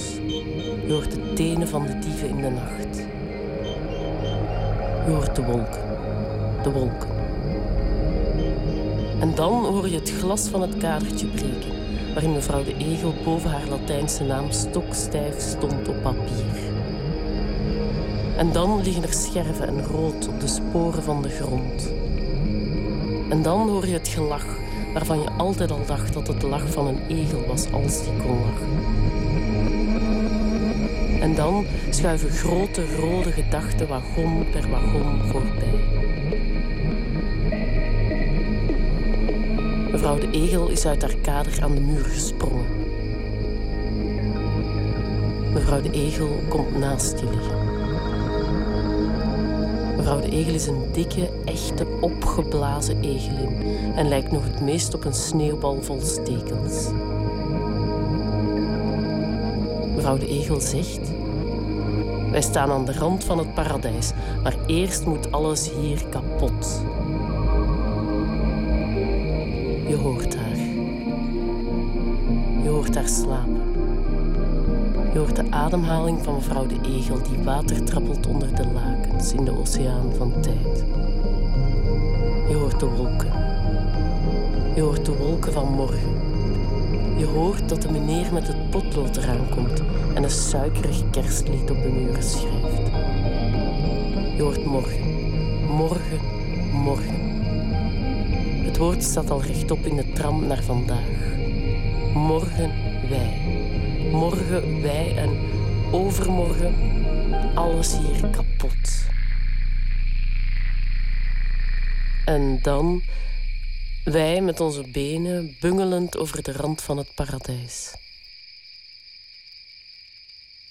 Eh, kerstmis is zo'n feest dat mensen zich ongelooflijk eenzaam kan doen voelen. Bijvoorbeeld eh, een jongetje zo ver kan krijgen dat hij tot de ingekaderde dieren op zijn kamer begint te spreken. En dat is het uitgangspunt voor dit klankverhaal dat ik samen met Ine IJzermans van Amatorski gemaakt heb. Dus een liefdesverhaaltje over gemis. Al dus Saskia de Koster, eh, Vlaams schrijfster. eh, Stille dieren was de titel. Terug te lezen ehm, via de website eh, vpro.nl slash boeken. Alle kerstverhalen zullen daar eh, uiteindelijk terechtkomen. Morgen dan zal Philip Huff een kerstverhaal voordragen... dat hij speciaal voor ons geschreven heeft. En dit verhaal werd ehm, muzikaal omlijst door Inne IJzermans. Een eh, muzikant die deel uitmaakt van de Vlaamse formatie Amatorski. Kerstplaten, we ontkomen er niet aan. We doen er eh, vrolijk aan mee. We protesteren er ook niet tegen. En we vinden het allemaal ontzettend eh, gezellig. En nu ga ik ook met zeer veel enthousiasme een kerstplaat aankondigen. Want niks is leuker dan kerst. En kerstplaten zijn prachtig. Ook deze van Ryan Adams. Hey Parker, it's Christmas.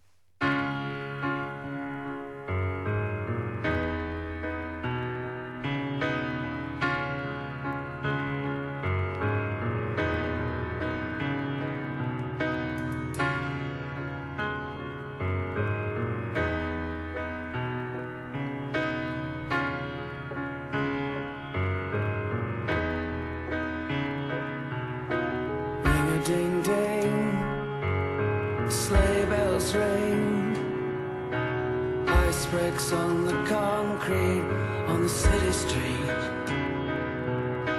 Ring a ding ding, sleigh bells ring, taxi cab movies in our heads and cigarettes. Oh my word.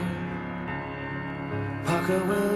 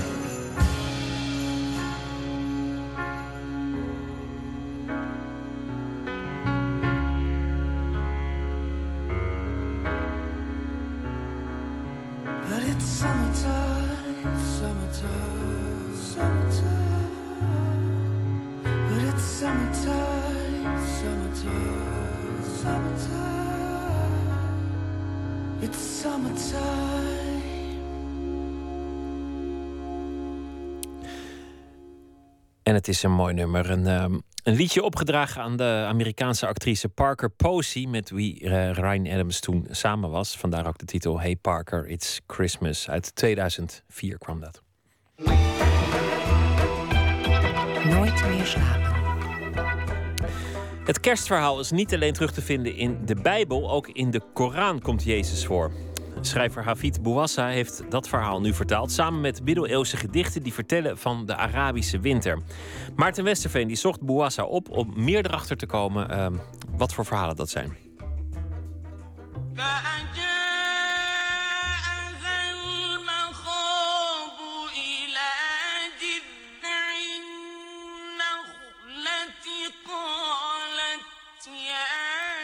Oh ja, dit is uit Soera 19. En het beschrijft dus eh, Maria die zwanger eh, verstoten wordt. Omdat, ze, omdat de, haar familie denkt dat ze dus met een man heeft gedaan.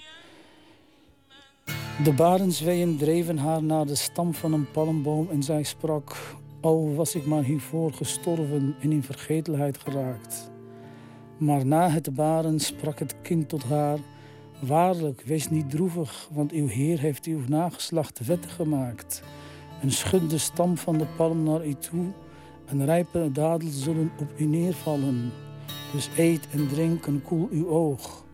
Als u iemand van de mensen ziet, zeg dan... Ik heb de barmhartige een eed van boete afgelegd. Ik zal vandaag geen mens spreken. En hop, daar komt het kerstkind tevoorschijn. Jezus, of zoals mijn familie hem het liefst aanduidt, baby Jezus, wordt ook in de Koran in een stal geboren en ook zijn moeder is onbevlekt ontvangen. Maar in de Koran heet Jezus Isa en is met zijn geboorte de Messias niet geboren. Schrijver en vertaler Hafid Bouassa legt het verschil uit. En het interessante aan Isa is dat Isa is niet de Arabische vorm van Jezus. Dat is Yeshua.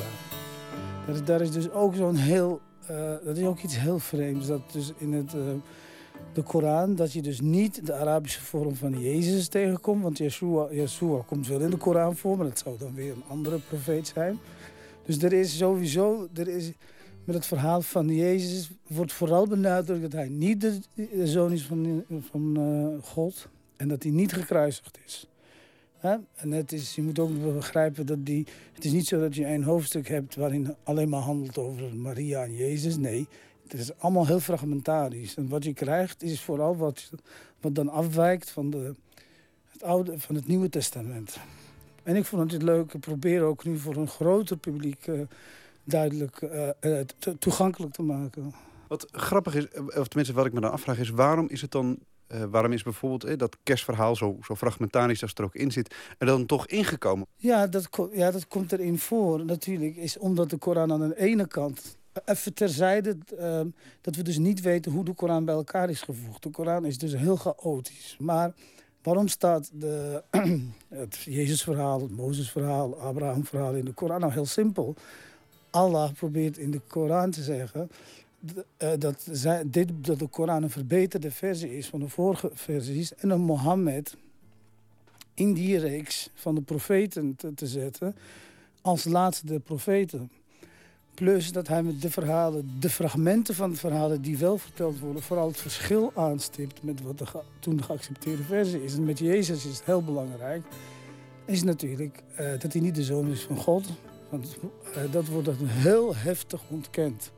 Net zoals die kruisiging. Dat zijn van die dingen die een steeds terugkomen. God is eh, zichzelf genoeg. Hij wordt niet geboren en baart niet. Dat is het belangrijkste. Waar ik ook heen rijd, de hand van de aarde blijft op mijn gewaden regels schrijven die niet te verbergen zijn. De aarde is een inktpot en de inkt is van miser.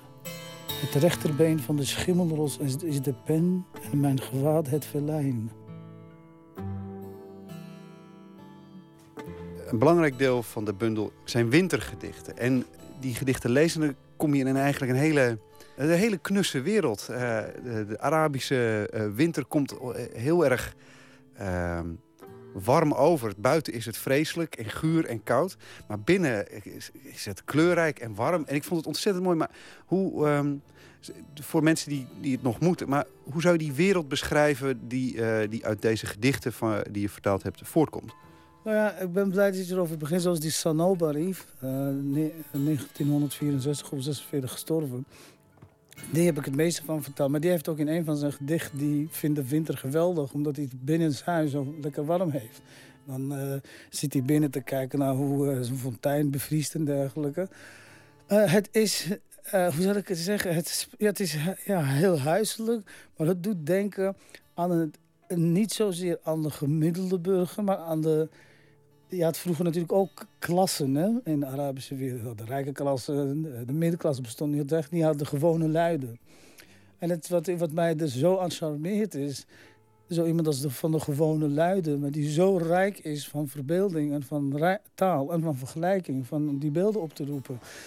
En, ehm, en, en dat was ook wat eh, mij aantrok in die, eh, in, in die kloostergedichten... waar ze dus naar, naar, daar naartoe ging om wijn te drinken... Dat is eigenlijk hetzelfde. De, de, de heiligdom van een, van een klooster, waarin ze dus dat mochten doen wat christenen wel mochten, moslims niet wijn drinken. Dat konden ze in de winter in hun eigen huis doen, want alles ging op slot. En wa- wat binnen huis gebeurt, dat, dat, dat blijft tussen jou en Allah. Dus dan werden dan eh, de kruiken ook eh, een, eh, open, opengemaakt en eh, de, dan werd er dan gebraad gegeten.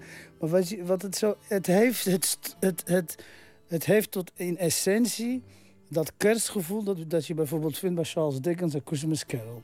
En we weten, kijk, Charles Dickens heeft in Christmas Carol, die, die, die heeft, hij was degene die de nadruk legde op goedertierenheid en eh, voor het goede doel geven. En de sneeuw, dat dat iets heel moois is. Maar dat was helemaal gebaseerd op, op zijn herinneringen aan eh, een paar winters die hij had meegemaakt in het platteland als kind. En die, waar hij heel nostalgisch naar was. Het, is, het brengt een soort eh, geborgenheid met zich mee. Dat we nog steeds met kerst, hè, de familie bij elkaar, eh, associëren.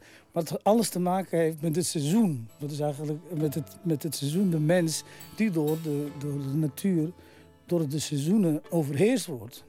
Zoals in het gedicht dat jij zo, zelf zo mooi vindt. Ja, je zegt in de zomer zijn plunderen wij door kraanvogels, maar in de winter zi- zijn wij, eh, worden wij geplunderd door de kraanvogels. Hè? Dus dan is het de natuur alsof die weer wraak neemt. Dan kun je het beste teruggaan naar die oergrot van je.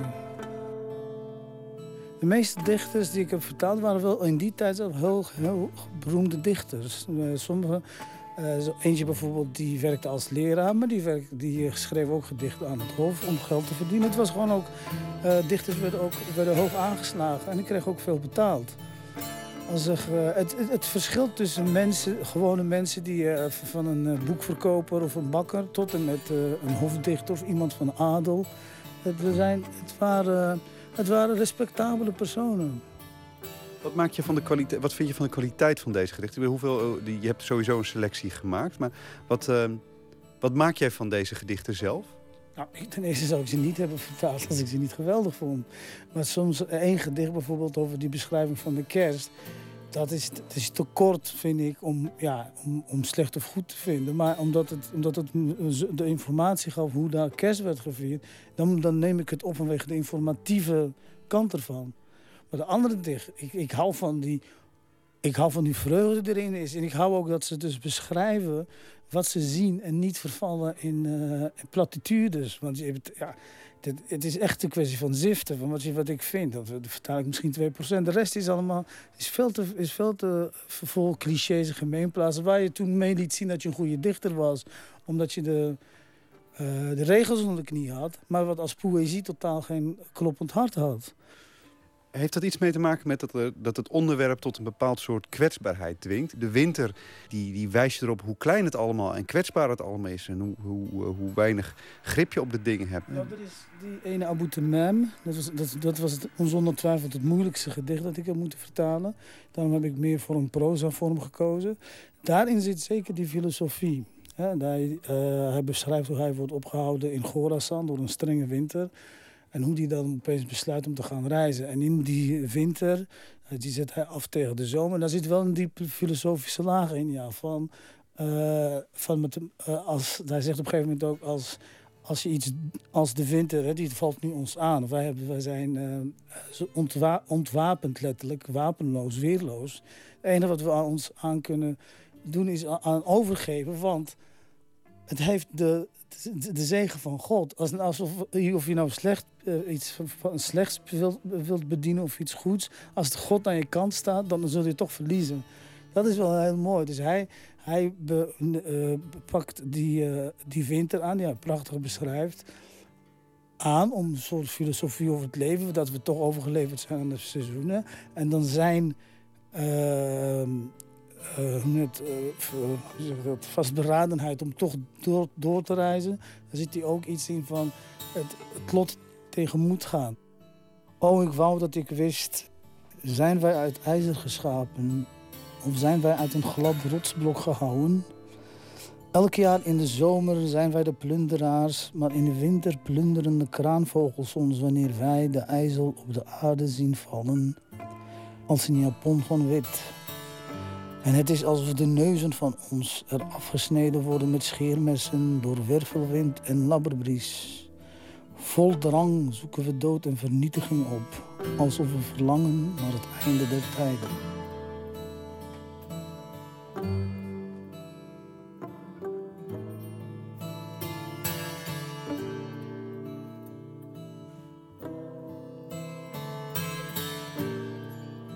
Maarten Westerveen in gesprek met schrijver Hafid Bouassa. De bundel Vrede is deze nacht is eh, uitgegeven bij Prometheus.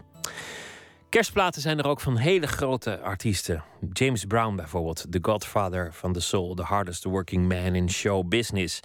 Hij stuurde Santa Claus rechtstreeks naar het ghetto in een prachtige kerstplaat uit 1968. Santa Claus goes straight to the ghetto.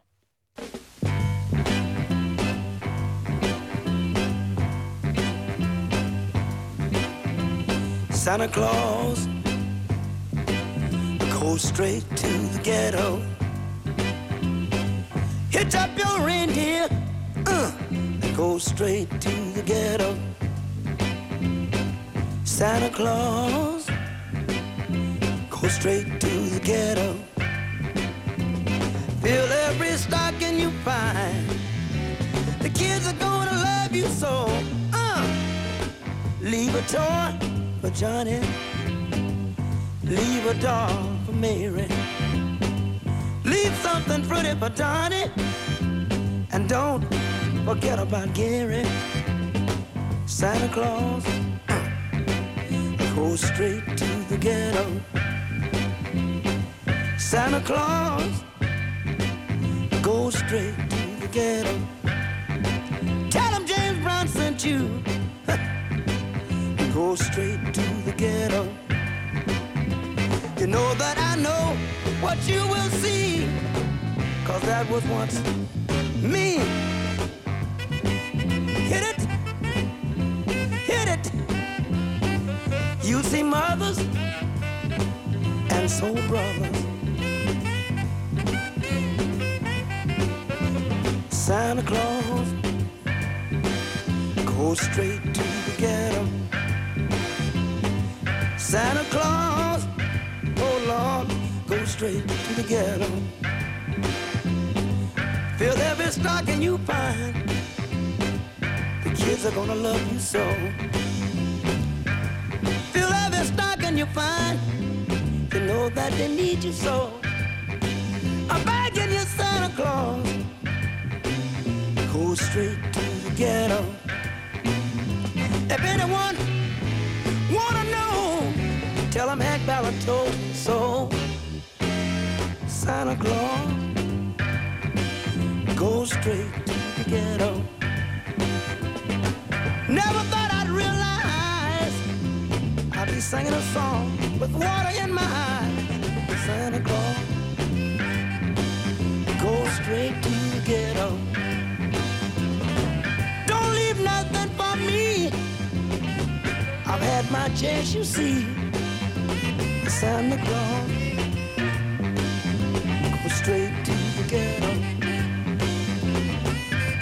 Claus. The soul brother needs so Santa Claus. James Brown, Santa Claus Goes Straight to the Ghetto. 1968 was dat. Nooit meer slapen.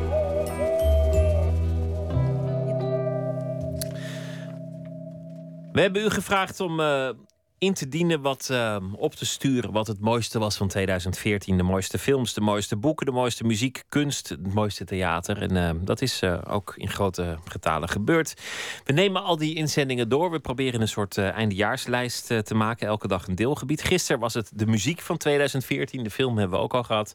Vandaag is het theater. Botte Jellema is een van ons nachtcorrespondenten. En hij bericht vaak over eh, de wereld van het theater. Welkom, Botte. Ja, dag Pieter. Is er iets in, in algemene zin te zeggen over wat voor uh, wat voor theaterjaar dit eigenlijk uh, ja, We wilden een beetje typeren, hè, het afgelopen jaar was. Zijn ja. er hele duidelijke tendensen? Nou ja, wel een aantal. En uh, een van de grootste tendensen zou ik willen zeggen... dat, uh, dat we 2014 een beetje een, een soort in, als een soort interbellum zouden kunnen gaan zien op, op termijn. Er zijn best wel wat grote veranderingen op komst. Een, een periode tussen twee oorlogen eigenlijk. Dus nou niet zo, ja, niet zo dat vrolijk is misschien- wereldbeeld. Nee, precies. En ook vergelijking met iets als actie tomaat voert weer wat ver... want er vliegen geen tomaten door de zalen. Maar um, zo langzamerhand maakt er in het theater... een oudere generatie plaats voor een nieuwere. En uh, daar komen zo nog wel eventjes een paar voorbeelden van. We hebben uh, heel veel um, verslagen in het afgelopen Ja. jaar. Ook, ook in het eerste uur wel uh, interviews uh, gedaan met, nou ja, zo nu dan acteur of, of een, of een, of een Ja. regisseur. Het is maar goed dat je dat gedaan hebt ook, want eh, er worden heel veel voorstellingen eh, gemaakt in Nederland. Eh, als je ballet, opera, cabaret ook nog meerekent, dan is er elke dag minstens één première. In het weekend zijn het vaak vier of vijf. Dus dan is het onmogelijk voor één persoon om dat allemaal te zien. Want ja, uit de aard van de zaak. Je moet er naartoe. Het is door het hele land. Je, je moet er zijn op een bepaald tijdstip. Dat is heel anders dan een boek wat je ieder moment kan lezen waar je er zin in hebt. Dus het is, het is, een, uh, het is een klus, maar het is leuk. Uh, en om er dan over een jaar iets te kunnen zeggen... heb ik even wat hulplijnen ingeschakeld. Uh, daar ben jij er eentje van. recensent Simon van den Berg heb ik gevraagd naar zijn jaar. Ik heb een toonaangevend recensent Hein Jansen gevraagd naar zijn jaarlijst. en natuurlijk hebben we de reactie van ons luisteraars. En die laatste maar het eerst... Uh, opvallend was, en veruit favoriet, The Fountainhead van uh, Toneelgroep Amsterdam. Gebaseerd op dat boek van Rand uit de 43. Ja, ik heb. Um, ja, dat is dan de makker als je zo'n programma presenteert. Ik moet vaak um, een indruk krijgen voor de première. Ja. Omdat we proberen dat interview zo vroeg mogelijk te doen. Dus ik heb enorm veel um, repetities gezien. Of, Ja. of, of een laatste doorloop. is ook altijd enorm gedoe om erbij te zijn. En dan moet ik beloven dat ik geen recensie zal geven. En dan Ja. niet een oordeel. Ja, Want, want ze zijn natuurlijk bang dat het decor instort. En dat ik daar dan uh, Ja. iets over ga zeggen. En dat soort dingen. En, en ik gelukkig, wat je zegt. meestal mag het gelukkig. En uh, de Fountainhead, daarvan heb ik dus een doorloop uh, meegemaakt. Ja. Die, uh, die, die vond ik indrukwekkend. Maar dan komt de tweede makke. Ik moet meestal ook iets eerder weg. Want uh, Assenpoester moet om 12 uur in Hilversum zijn. En, uh, ja, dan ja, moet je hier zitten. Dan moet ik op een gegeven moment dan word ik ook nerveus als het dan als het na 11 wordt. Dan denk ik, ja, nu moet ik toch eens gaan. Maar je hebt hem wel geïnterviewd, Ivo van Hoven. Zeker. ging ja. over grote ideologieën, de, die, die voorstelling. Ik heb even een fragmentje uit die, uit die voorstelling. En het is net in die tijd dat in Rand die grote vraagstukken... Wat, wat moet je nou doen? Kies je voor idealen of kies je voor compromissen? Kies je voor de markt of kies je voor wat je aan te bieden hebt? Ze zegt ook, als er nooit een Prometheus geweest was... als er nooit iemand iets geschapen had... dan is er ook niks te verdelen. Want wat is er dan te verdelen? Niets. Iemand moet iets uitvinden. Al dus Ivo van Hoven. Nou, de, de, wat was het ook weer? Boekenbon, de, de theaterkaart of uh, de dinercheck. Uh, die wordt opgestuurd naar Ellen Komans en Wopke Kolk. Want die hadden deze voorstelling genomineerd. Ja, zeker. We komen aan het eind nog eventjes terug op de definitieve jaarlijsten voor wat dat betreft. Uh, Fountainhead was trouwens ook de favoriet van de recensenten van het uh, Parool. Die hebben een officiële lijst in de krant gepubliceerd. Die voorstelling die ging in première op het Holland Festival, een van de grote theaterfestivals met ook veel buitenlandse producties. Maar een andere belangrijke productie, die wat mij betreft van dit jaar eh, eh, niet onvermeld mag blijven. Dat is de Nederlandse versie van Warhorse. Die heeft bijna niemand genoemd in de lijstjes eh, naar ons toe. Die voorstelling die, die reist nog steeds door het land. Die kun je nog steeds zien. Niemand van de luisteraars heeft het daarover gehad. Ik heb wel de, de, de oefening van die paarden gezien. Ja. Eh, bij toeval dat ze, dat ze eigenlijk gewoon aan het trainen waren met, met die paarden. En, en een, een heel gek iets eigenlijk. Want het- zijn gewoon twee mensen die paardjes spelen in een soort, soort constructie. Ja. En maar dat, dat, hebt- zagen wij, dat zagen wij overal, die, die, eh, eh, eh, die, die repetities en zo. Dat is, ik geloof dat in de wereld daardoor het heeft, ook heeft gezeten. En toen dachten we, wat moeten we nou eens doen om er in Nooit meer slapen nog wat moois van te maken. En toen ben ik met een paardenfluisteraar naar de repetitie Iemand die geweest. de wereld van het paard. Maar het, het indrukwekkende is dat, dat als zo'n paard op je af kwam, kwam, kwam draven. Dat het echt voelde alsof een paard op je af Ja. kwam draven. Zij was ook extreem onder de indruk. Dus ja, je kan, die rep- de reportage, ik vond het was heel erg leuk om te maken. Die kun je terugvinden in onze archieven. vpro.nl steeds nooit meer slapen. Nou, eh, dat is Warhorse. Eh, een andere opvallende productie van afgelopen jaar... eh, die door luisteraars veel werd genoemd... was Caligula van Thibaut Delpeut. Thibaut Delpeut is dit jaar eh, de nieuwe... en hier hebben we het dus eventjes weer over die grote veranderingen... is de nieuwe eh, voorman van eh, de Utrechtse Spelen geworden. En ergens deze periode gaat hij ook de nieuwe naam voor Utrechtse Spelen publiceren.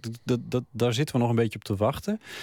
En deze voorstelling Caligula, die maakte hij eigenlijk nog bij zijn oude club. Dat was het, de toneelschuur in, eh, in Haarlem. Een stuk van eh, Albert Camus oorspronkelijk. Niet, niet het bekendste werk, want, want Camus heeft een paar enorm bekende werken gemaakt. Een aantal theatervoorstellingen waarvan sommige nog vaak worden opgevoerd. Maar Caligula is nou, nou niet echt deel van het standaard oeuvre. En toch werd hij veel genoemd. Dus dat is wel heel erg leuk. En eh, daar hebben we ook een reportage van gemaakt. En eh, ik heb het gezien als try-out. En hier hebben we een klein fragment van. Er was eens een arme keizer, van wie niemand hield. En hij, die van Lepidus hield, liet diens jongste zoon doden... om deze liefde te verwijderen uit zijn hart. Ja, een hele hardvochtige keizer die daar eh, aan het woord eh, komt. Nou, Caligula dus. Eh, stond niet in de lijst van mijn hulplijn Hein Jansen, de recensent van de Volkskrant. Ehm, zullen we daar de top 5 even van doornemen die eh, hij heeft gemaakt? Dat is De Pelikaan, van, to- door toneelgroep Amsterdam gebracht. Eh, regie van Suzanne Kennedy, die dit jaar heel veel geroemd is als regisseur. Ze gaat naar Duitsland om daar regies te gaan maken, dus we zijn er eventjes kwijt. Hopelijk komt ze nog weer een keertje terug. Internationaal eigenlijk meer geroemd dan, dan in Nederland. Ja. bijna Suzanne Kennedy. Het is bijzonder Ja. wat ze maakt. Ze is Haar ook naam gast komt- geweest. Ja, haar naam komt straks nog een keer terug. Als ik de liefde niet heb eh, van eh Marjolein van Heemstra en Remy van Kesteren. Die beruchte voorstelling waar, zij, eh, waar Marjolein van Heemstra speelt met die katholieke priester. Ik zeg het even uit mijn hoofd. Die, en dit gaat over de misbruik in de katholieke kerk, die voorstelling. Zij doet vaak heel erg maatschappelijk betrokken dingen. En probeert ook vaak Ja. met, haar, met haar voorstellingen iets, iets los te maken. Ja, je hebt er ook geïnterviewd eh, hier, geloof ik, even uit mijn hoofd. Klopt, ja. Eh, op drie de van Hein Jeltsen, eh The Fountainhead, waar we het net al over hadden. Who's Afraid of Virginia Woolf op nummer vier. Toneelgroep Oostpol bracht hij eh, op de planken. En op nummer vijf, opvallend, Stand Up, Lie Down. geschreven door Rob de Graaf en uitgevoerd door de gemeenschap. Waar we deze week nog een reportage over hadden in Nooit meer slapen. Dat is echt een hele verse voorstelling. En die heeft het bij Hein Jansen dus meteen in de top vijf van dit jaar eh, geschopt. En die voorstelling kan je ook nog zien, want die speelt ook nog. Dus dat is wel heel erg leuk. Ja, ehm, nou, nou heb, heb ik dus eh, net verteld dat het soms lastig is om zo'n voorstelling eh, eh, te zien. Eh, ehm, maar, maar ik heb ook, ook wel een beetje de gedachte van hoe doen recensenten dat eigenlijk? Want ik bedoel, eh, zo moeilijk is het niet om een kaartje te kopen of, of een. eh, of de tram te nemen en je strippenkaart of, of je OV-chipkaart en dan gewoon op tijd te zijn en, en die voorstelling te zien. Maar omdat je vroeg moet zijn, moeten ze dan op de première gaan? Of gaan die Dus ook die, naar- Ja, die gaan we sowieso niet eh, eerder dan de première. Dat is echt een no. Dat is, dat is een, ja, dat, is dat, kan je niet maken. Nee, Nee. dat kan je niet maken. Dat, eh, ik heb het toevallig nog eh, over gehad met, met Simon van den Berg, die, die ik gevraagd heb van, van is, is je dat wel een keer overkomen? En hij is van, nou, ik, ik doe het niet. Ik heb het wel een keer bij iemand anders gezien dat hij een try-out ging eh recenseren. Maar dat, eh, Dat flik je nee, gewoon niet. dat, dat doe je niet. Maar Nee. jij, hebt, jij hebt recensenten gesproken, omdat jij natuurlijk ook niet eh, alle, alle dingen kunt kan volgen. niet alles zien. En met name Simon van den Berg heb ik even gesproken, want hij schrijft voor het Parool als recensent. Maar belangrijk, eh, hij is ook de man achter eh, theaterkrant.nl. En daarop verschijnen jaarlijks eh, ongeveer 600 recensies van alle podiumkunsten. Dus dan hebben we het ook over cabaret en opera. En bovendien krijgen ze de recensies van grote kranten ook door. En dan met name daarbij interessant zijn de sterrenwaarderingen. En daar houdt hij heel netjes bij in een database. Ik heb Simon even opgezocht en ik stelde hem de eenvoudige vraag: wat was, als je naar de sterren kijkt, de beste voorstelling? Zijn er een paar die eh, een mooie mix van vier en vijf sterren recensies hebben gehad. Bijvoorbeeld De Man die alles weet van Maas. Dat is een voorstelling van Jetse Batelaan ehm, met René van het Hof in de, in de hoofdrol als De Man die alles weet. En dat is een voorstelling voor kleuters. En die heb ik gezien. Dat is echt een hele knappe, hele geestige voorstelling over, over eh, mannetjes die doen alsof ze belangrijk zijn, maar uiteindelijk ook helemaal niets weten en ook niet kunnen omgaan met de echte wereld. En dat vond ik een hele wijze voorstelling voor kleuters. Het is eh, heel prettig dat ze dat meekrijgen. En een andere is eh, Om Maarten. Dat is een eh, verzamelprogramma, ik geloof zelfs eenmalig over Maarten van Roosendaal. Dus een verzameling van alle kleinkunstenaars die zijn liedjes zongen. Het zijn allebei met gemiddeld 4,5 ster gewaardeerde voorstellingen. Nou, net iets onder zit dan Niet Huppelen van Rijmakers en Geerlings. Dus dat is een jeugdvoorstelling eh, gemaakt door Bonte Hond in Almere. Eh, en daar op diezelfde hoogte zit eh, Als ik de liefde niet heb van Marjolein van Heemstra. Dat is een voorstelling die ze maakte met een katholieke priester, Remy. Die gaat over misbruik in de kerk. Want die, die Remy is daar slachtoffer van. En daar hebben ze samen heel knap een mooi en ontroerend verhaal over gemaakt. Nou ja, dat zijn allemaal nieuwe theaterteksten. Eh, opvallend ook dat weer, het schiet weer alle kanten op. Dus het is, het is ook leuk dat een overzicht van zo'n jaar maken is eigenlijk ook onzinnig werk. Ehm, maar goed, dat zijn allemaal nieuwe theaterteksten. Dan heb je ook nog het zogenaamde repertoire. Dat zijn dus de wat oudere toneelteksten door grote schrijvers, vaker eh, eh, opgevoerd. En daarvan scoren de producties Who's Afraid of Virginia, Virginia Woolf van toneelgroep Oostpol eh, heel hoog in de sterrenscores. Nou, bij Hein Jansen dus ook al. Eh, samen met eh Bruid in de Morgen van Hugo Claus. Dat is op de planken gebracht door toneelgroep Amsterdam. En Bruid in de Morgen is volgende week op deze zender op ons tijdstip als hoorspel te horen. Ja, wij zijn een weekje verkast. Althans, we zijn er gewoon niet. We, we liggen ergens te lapswansen. En, en in die tijd is dat hoorspel eh, te horen. Dus deze eigenlijk serie Hugo Claus. een overgangsjaar in het eh, het theater. Ja, dat zei ik.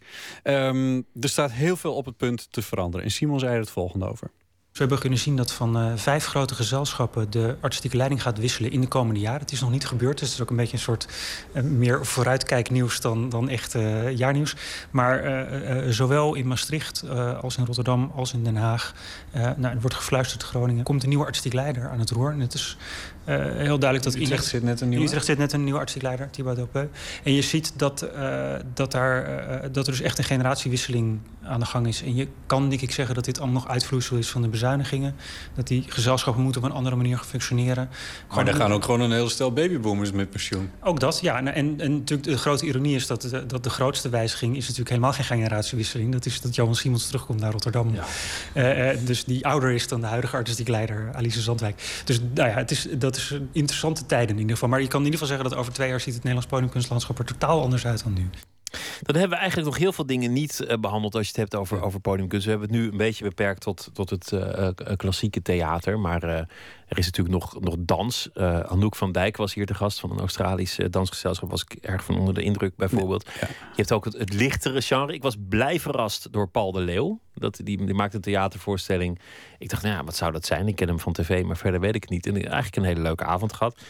Musicals zouden we ook kunnen behandelen. Zelf ben ik niet zo'n ongelofelijke musical. Ja, ik kan niet alles leuk vinden, maar eh, hadden we ook nog kunnen doen. Had maar kunnen- ja, ja. er gebeurt kortom wel heel Opera veel. had ook nog Opera, ja, de, eh, absoluut. Doorgaans heel goed gewaardeerd in de sterrenlijstjes. Als je naar Simons lijstjes keek, dan eh, in, in het algemeen opera's die worden echt met vier of vijf sterren beoordeeld. Omdat er ja, er verschillende verklaringen voor, maar bijvoorbeeld omdat er heel veel disciplines samenkomen. eh, dus, dus dat hadden we ook kunnen doen. Wat ook vergeten is, is leuk. In het afgelopen uur had je Leon de Winter natuurlijk. eh, Anne. waar Anne, die werd ook niet ingestuurd door de mensen die mochten reageren. Tot- op Er is speciaal een theater voor gebouwd. Het is gerecenseerd in de New York Times. Het is, is omstreden geraakt in zekere zin... omdat NRC heel groot uitpakte op de voorpagina... met een Ja. slechte recensie. Wat best raar is om een, een recensie op de voorpagina En het te speelt nog steeds. En het speelt Voorlopig eh, nog. nog steeds. Ik heb het gezien en ik vond het indrukwekkend vanwege de, de, de grootsheid. Maar ook toen eh, moest ik op tijd hier zijn. Dus ik heb het einde... Nou ja, ik weet hoe het afloopt helaas. Maar eh, ik heb het einde dus niet, niet meegekregen. Maar- Nee, je weet hoe het afloopt. Ja, het, Ja, tragischerwijs. Ja, het is heel tragisch. Ehm, de definitieve eh, lijst van eh, de, de kanon van 2014. Ja, wat betreft de theatervoorstellingen, wat nemen we mee? Nou, dat is gebaseerd op eh, wat we eh, aan luisteraarsinzendingen hebben binnengekregen natuurlijk. Op nummer 1, de Fountainhead van toneelgroep Amsterdam. Die moet mee, veel genoemd door de luisteraars. Hoog gewaardeerd door de recensenten ook. Volkskrant, NRC, Telegraaf, Parool, Guardian. Allemaal gaven ze vier sterren. En eh leuke daarover te melden is nog dat het over een jaar, echt november 2015, zag ik op de site van Toneelgroep Amsterdam, dan spelen ze het wel nog een keer. Dus het, is nog weer te zien, eh, de Fountainhead. Ehm, en een goede tweede, eh Tauberbach, hebben we het niet uitgebreid over gehad, eh, van de Münchner Kammerspielen en Le Balancé de la B. NT Gent en eh, Alain Patel. Je hebt er een interview over gemaakt eh, hier. Elsie de Brouw is, eh, was hier op 5 augustus eh, te gast. Die heeft de voorstelling medegemaakt. De muziektheatervoorstelling is dit. En tenslotte op nummer 3 gaan we meenemen naar de kanon van 2014. Caligula van Thibaut Delpeut en de Utrechtse Spelen. Dankjewel, Botte Jellema. Alsjeblieft. Dan eh, hadden we het gisteren over de, de muziek. Wat waren nou de, de mooiste platen van 2014? Het kwam er eigenlijk eentje eh, boven drijven met, met enige afstand. En eh, dat was War on Drugs. Die is ingediend door een aantal luisteraars. Dus zij zijn ook weer bonnen te vergeven. Jeroen Slot en Elisanne Hakkers die hadden dat ingediend. We gaan luisteren naar War on Drugs met het nummer. Suffering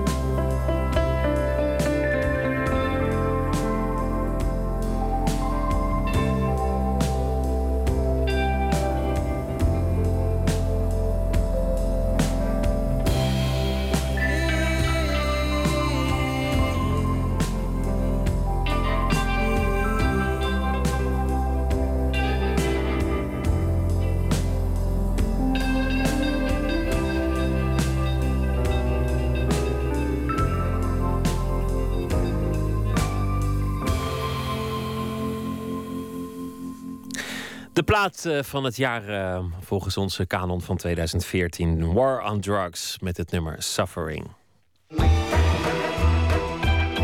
Nooit meer slapen. Buiten Nederland was het eh, een van de culturele hoogtepunten van 2014. Een nieuwe trekpleister in Parijs. In het eh, Bois de Boulogne staat een eh, prachtig gebouw... ontworpen door de Amerikaanse sterarchitect Frank O'Gary. Een spectaculair museum met de naam Fondation Louis Vuitton... naar de geldschieter. En die geldschieter, jawel, dat is Louis van de Dure Tassen. Misschien nog wel meer bekend vanwege de namaattassen... waar veel mensen mee rondlopen dan van de echte tassen. Waarom associeert zo'n eh, tassenmerk zich zo graag met beeldende kunst? Is dat vanwege de marketing of is het gewoon oprechte interesse? En Nicolaou praat over echt en nep met een merkendeskundige en met een handelaar in antieke koffers. Ja, ja, vooruit maar. Vijf eurotjes die mooie tassen. Kom op nou. Uitzoeken maar. Nou, ik kan bijna niet de verleiding weerstaan. Zo mooi. Maar vooruit maar. Uitzoeken. Kijk, Louis Vuitton is natuurlijk een statusmerk. Eh, en eh, je ziet dat die neptassen eh, toch wel een grote bedreiging voor ze zijn. Louis Vuitton is een van de bekendste merken ter wereld. Volgens zakentijdschrift Forbes is het zo'n 30 miljard waard. En de CEO van het moederbedrijf bezit ongeveer net zoveel geld. Kijk, Louis Vuitton tassen zijn wel hele uitgesproken tassen. Eh, met eh, die logo's vrij prominent eh, erop. Hè. Dat is eigenlijk het vaste patroontje. Het is een vrij traditioneel design in mijn ogen. Dus ja, het is wel echt een, een, een bepaalde smaak die, die je moet hebben om het mooi te vinden. Op straat is het merk veel te zien. Waarschijnlijk omdat er zoveel neptassen op de markt zijn. Want de echte, uit de exclusieve boutiques, zijn met een normaal salaris nauwelijks te betalen.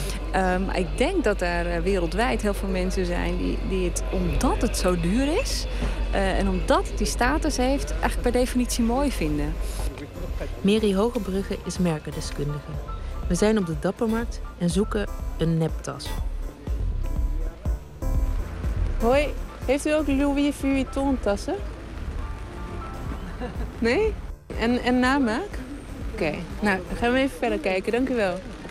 Louis Vuitton staat voor, eh, ehm, ja, voor luxe eh, en voor duur. Eh, dat betekent als je een, eh, met zo'n tas rondloopt dat je, dat je het geld hebt, of in ieder geval een heel cosmopolitisch leven leidt. Eh, en die neptassen die bedreigen dat natuurlijk, want dat betekent dat iedereen het zou kunnen kopen. Uitzoeken maar. Rommelen maar.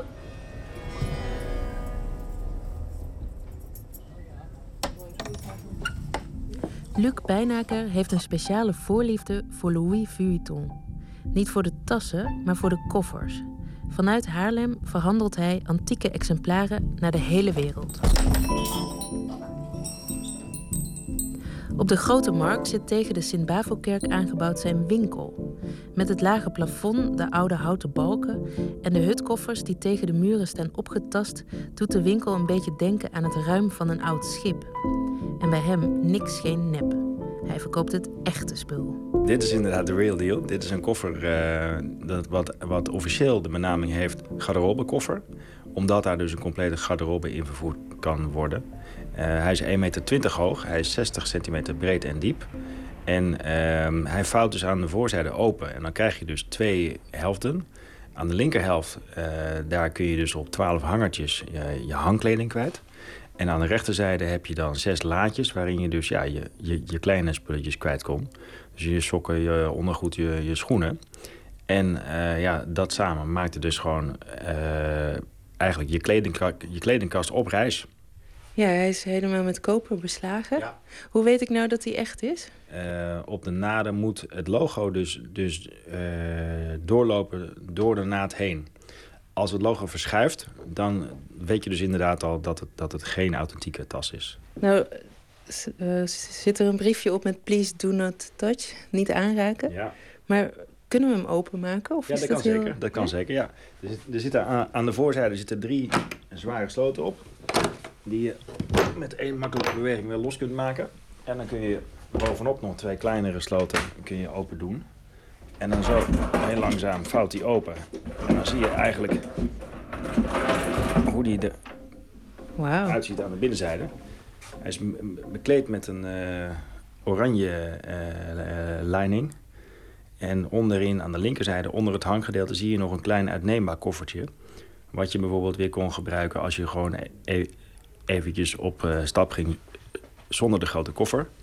En dan kon je dat, dat gebruiken bijvoorbeeld als dagkoffer. Dit ziet er fantastisch mooi uit.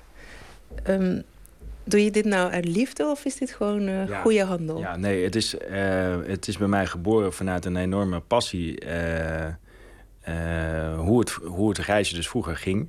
En ik heb, ik heb enorm veel plezier in het kijken naar bijvoorbeeld oude films uit de jaren twintig. Van bijvoorbeeld Sherlock Holmes of Agatha Christie. hoe men toen leefde en reisde vind ik, vind ik enorm, enorm fascinerend. En ik, ik denk ook eigenlijk wel dat ik zelf een beetje in de verkeerde tijd geboren ben. Ik ben van, eigenlijk van 1973, maar ik was liever van 1923 geweest. En, en dan had ik graag in Parijs of Londen gewoond. Want dat zijn voor mij echt de ideale jaren. Dan was je elke dag met je, met je mooie ja, koffer naar je werk Precies, ja, dat vind ik echt fantastisch. En uh, ja, ik ben, ben eigenlijk tien jaar geleden hier begonnen met een soort uit de hand gelopen verzamelhobby. En dat is nu uh, inmiddels uh, uh, gegroeid tot een, tot, een, tot een internationale handel in de meest exclusieve koffers. Want wat kost deze, dit koffertje nou? Ja, nou dit is dus inderdaad een, een van, van de topstukken. En die gaat, gaat bij ons weg voor 36.000 euro. S sorry? Ja, ja inderdaad. 36.000 euro? Ja, ja, dat klopt. Wow. Ja, ja.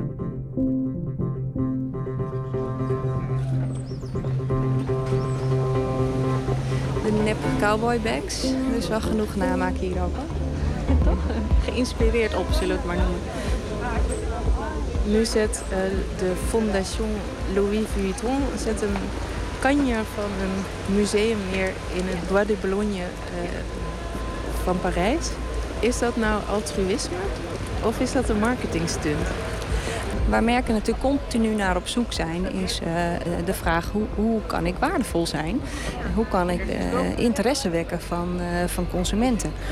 En toen we dat merkdenken een beetje aan het ontwikkelen waren, 20 jaar geleden, 25 jaar geleden, werd er vooral gefocust op die functionele waarde van merken. Dus ging het in campagnes altijd over dit was schoner en deze tas gaat langer mee. En uh, later ontdekten we, nee, die emotionele waarde, die is juist zo belangrijk. En met die emotionele waarde bedoel ik, waar staat zo'n merk nou voor? Wat, welk gevoel geeft het mij? Of welke indruk maak ik daarmee uh, op anderen? En daar zijn de luxe merken natuurlijk een fantastisch voorbeeld van. Hè? Zeg maar Louis Vuitton tassen of uh, Mercedes auto's.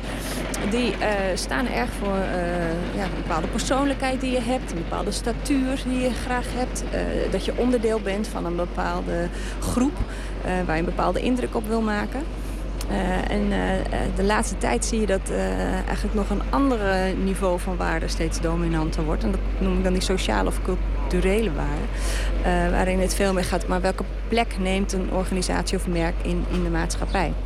En daar vind ik Louis Vuitton met de opening van het museum dan een mooi voorbeeld van. Zeggen, ja, wij hebben altijd heel veel interesse gehad in kunst. We doen veel met designers. Uh, we hebben veel verzameld. We willen dat graag delen. Uh, we willen ja, voor het publiek een heel mooi, fantastisch gebouw neerzetten. Dus kunst werkt statusverhogend eigenlijk? Nou, ik denk dat die keuze voor kunst inderdaad de status uh, uh, bevestigt. En we lopen hier op de Dappermarkt en dan zien we allemaal mooie tassenkramen. Uh, soms ook wel met dat logo's erop. We hebben Louis Vuitton dan niet ontdekt. Maar dat is natuurlijk wel een bedreiging voor Louis Vuitton. Dat als er heel veel mensen met die namaakktassen rondlopen... dat dat wel een deuk in die status kan veroorzaken.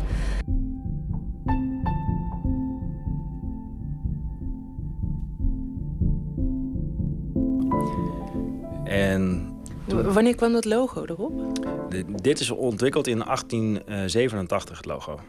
Ja. En was, waarom was dat toen?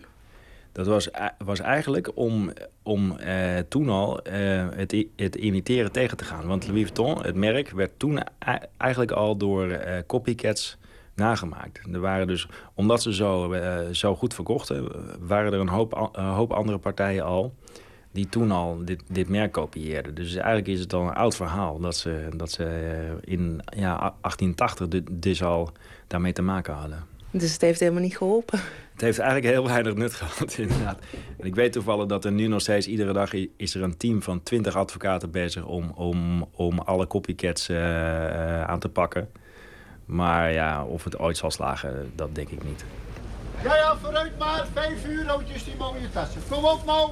De, de eh, CEO van het bedrijf die zegt eh, in een interview met CNN: eh, wij doen niet aan marketing, eh, wij doen aan ambachtschap.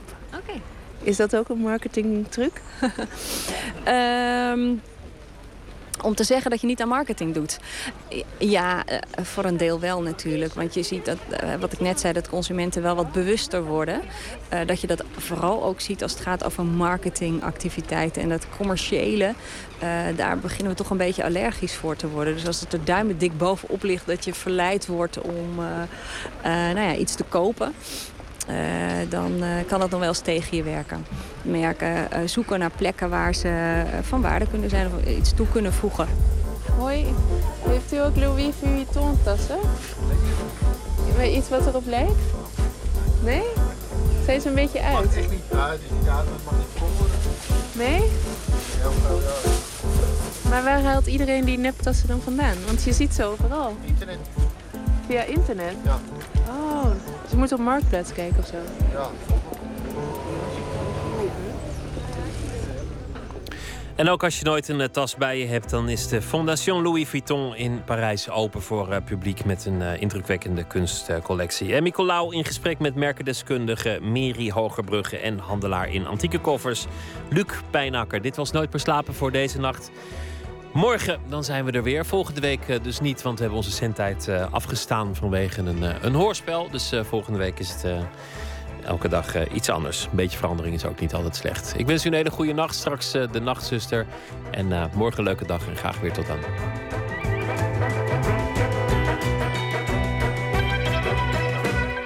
Op Radio 1, het nieuws van alle kanten.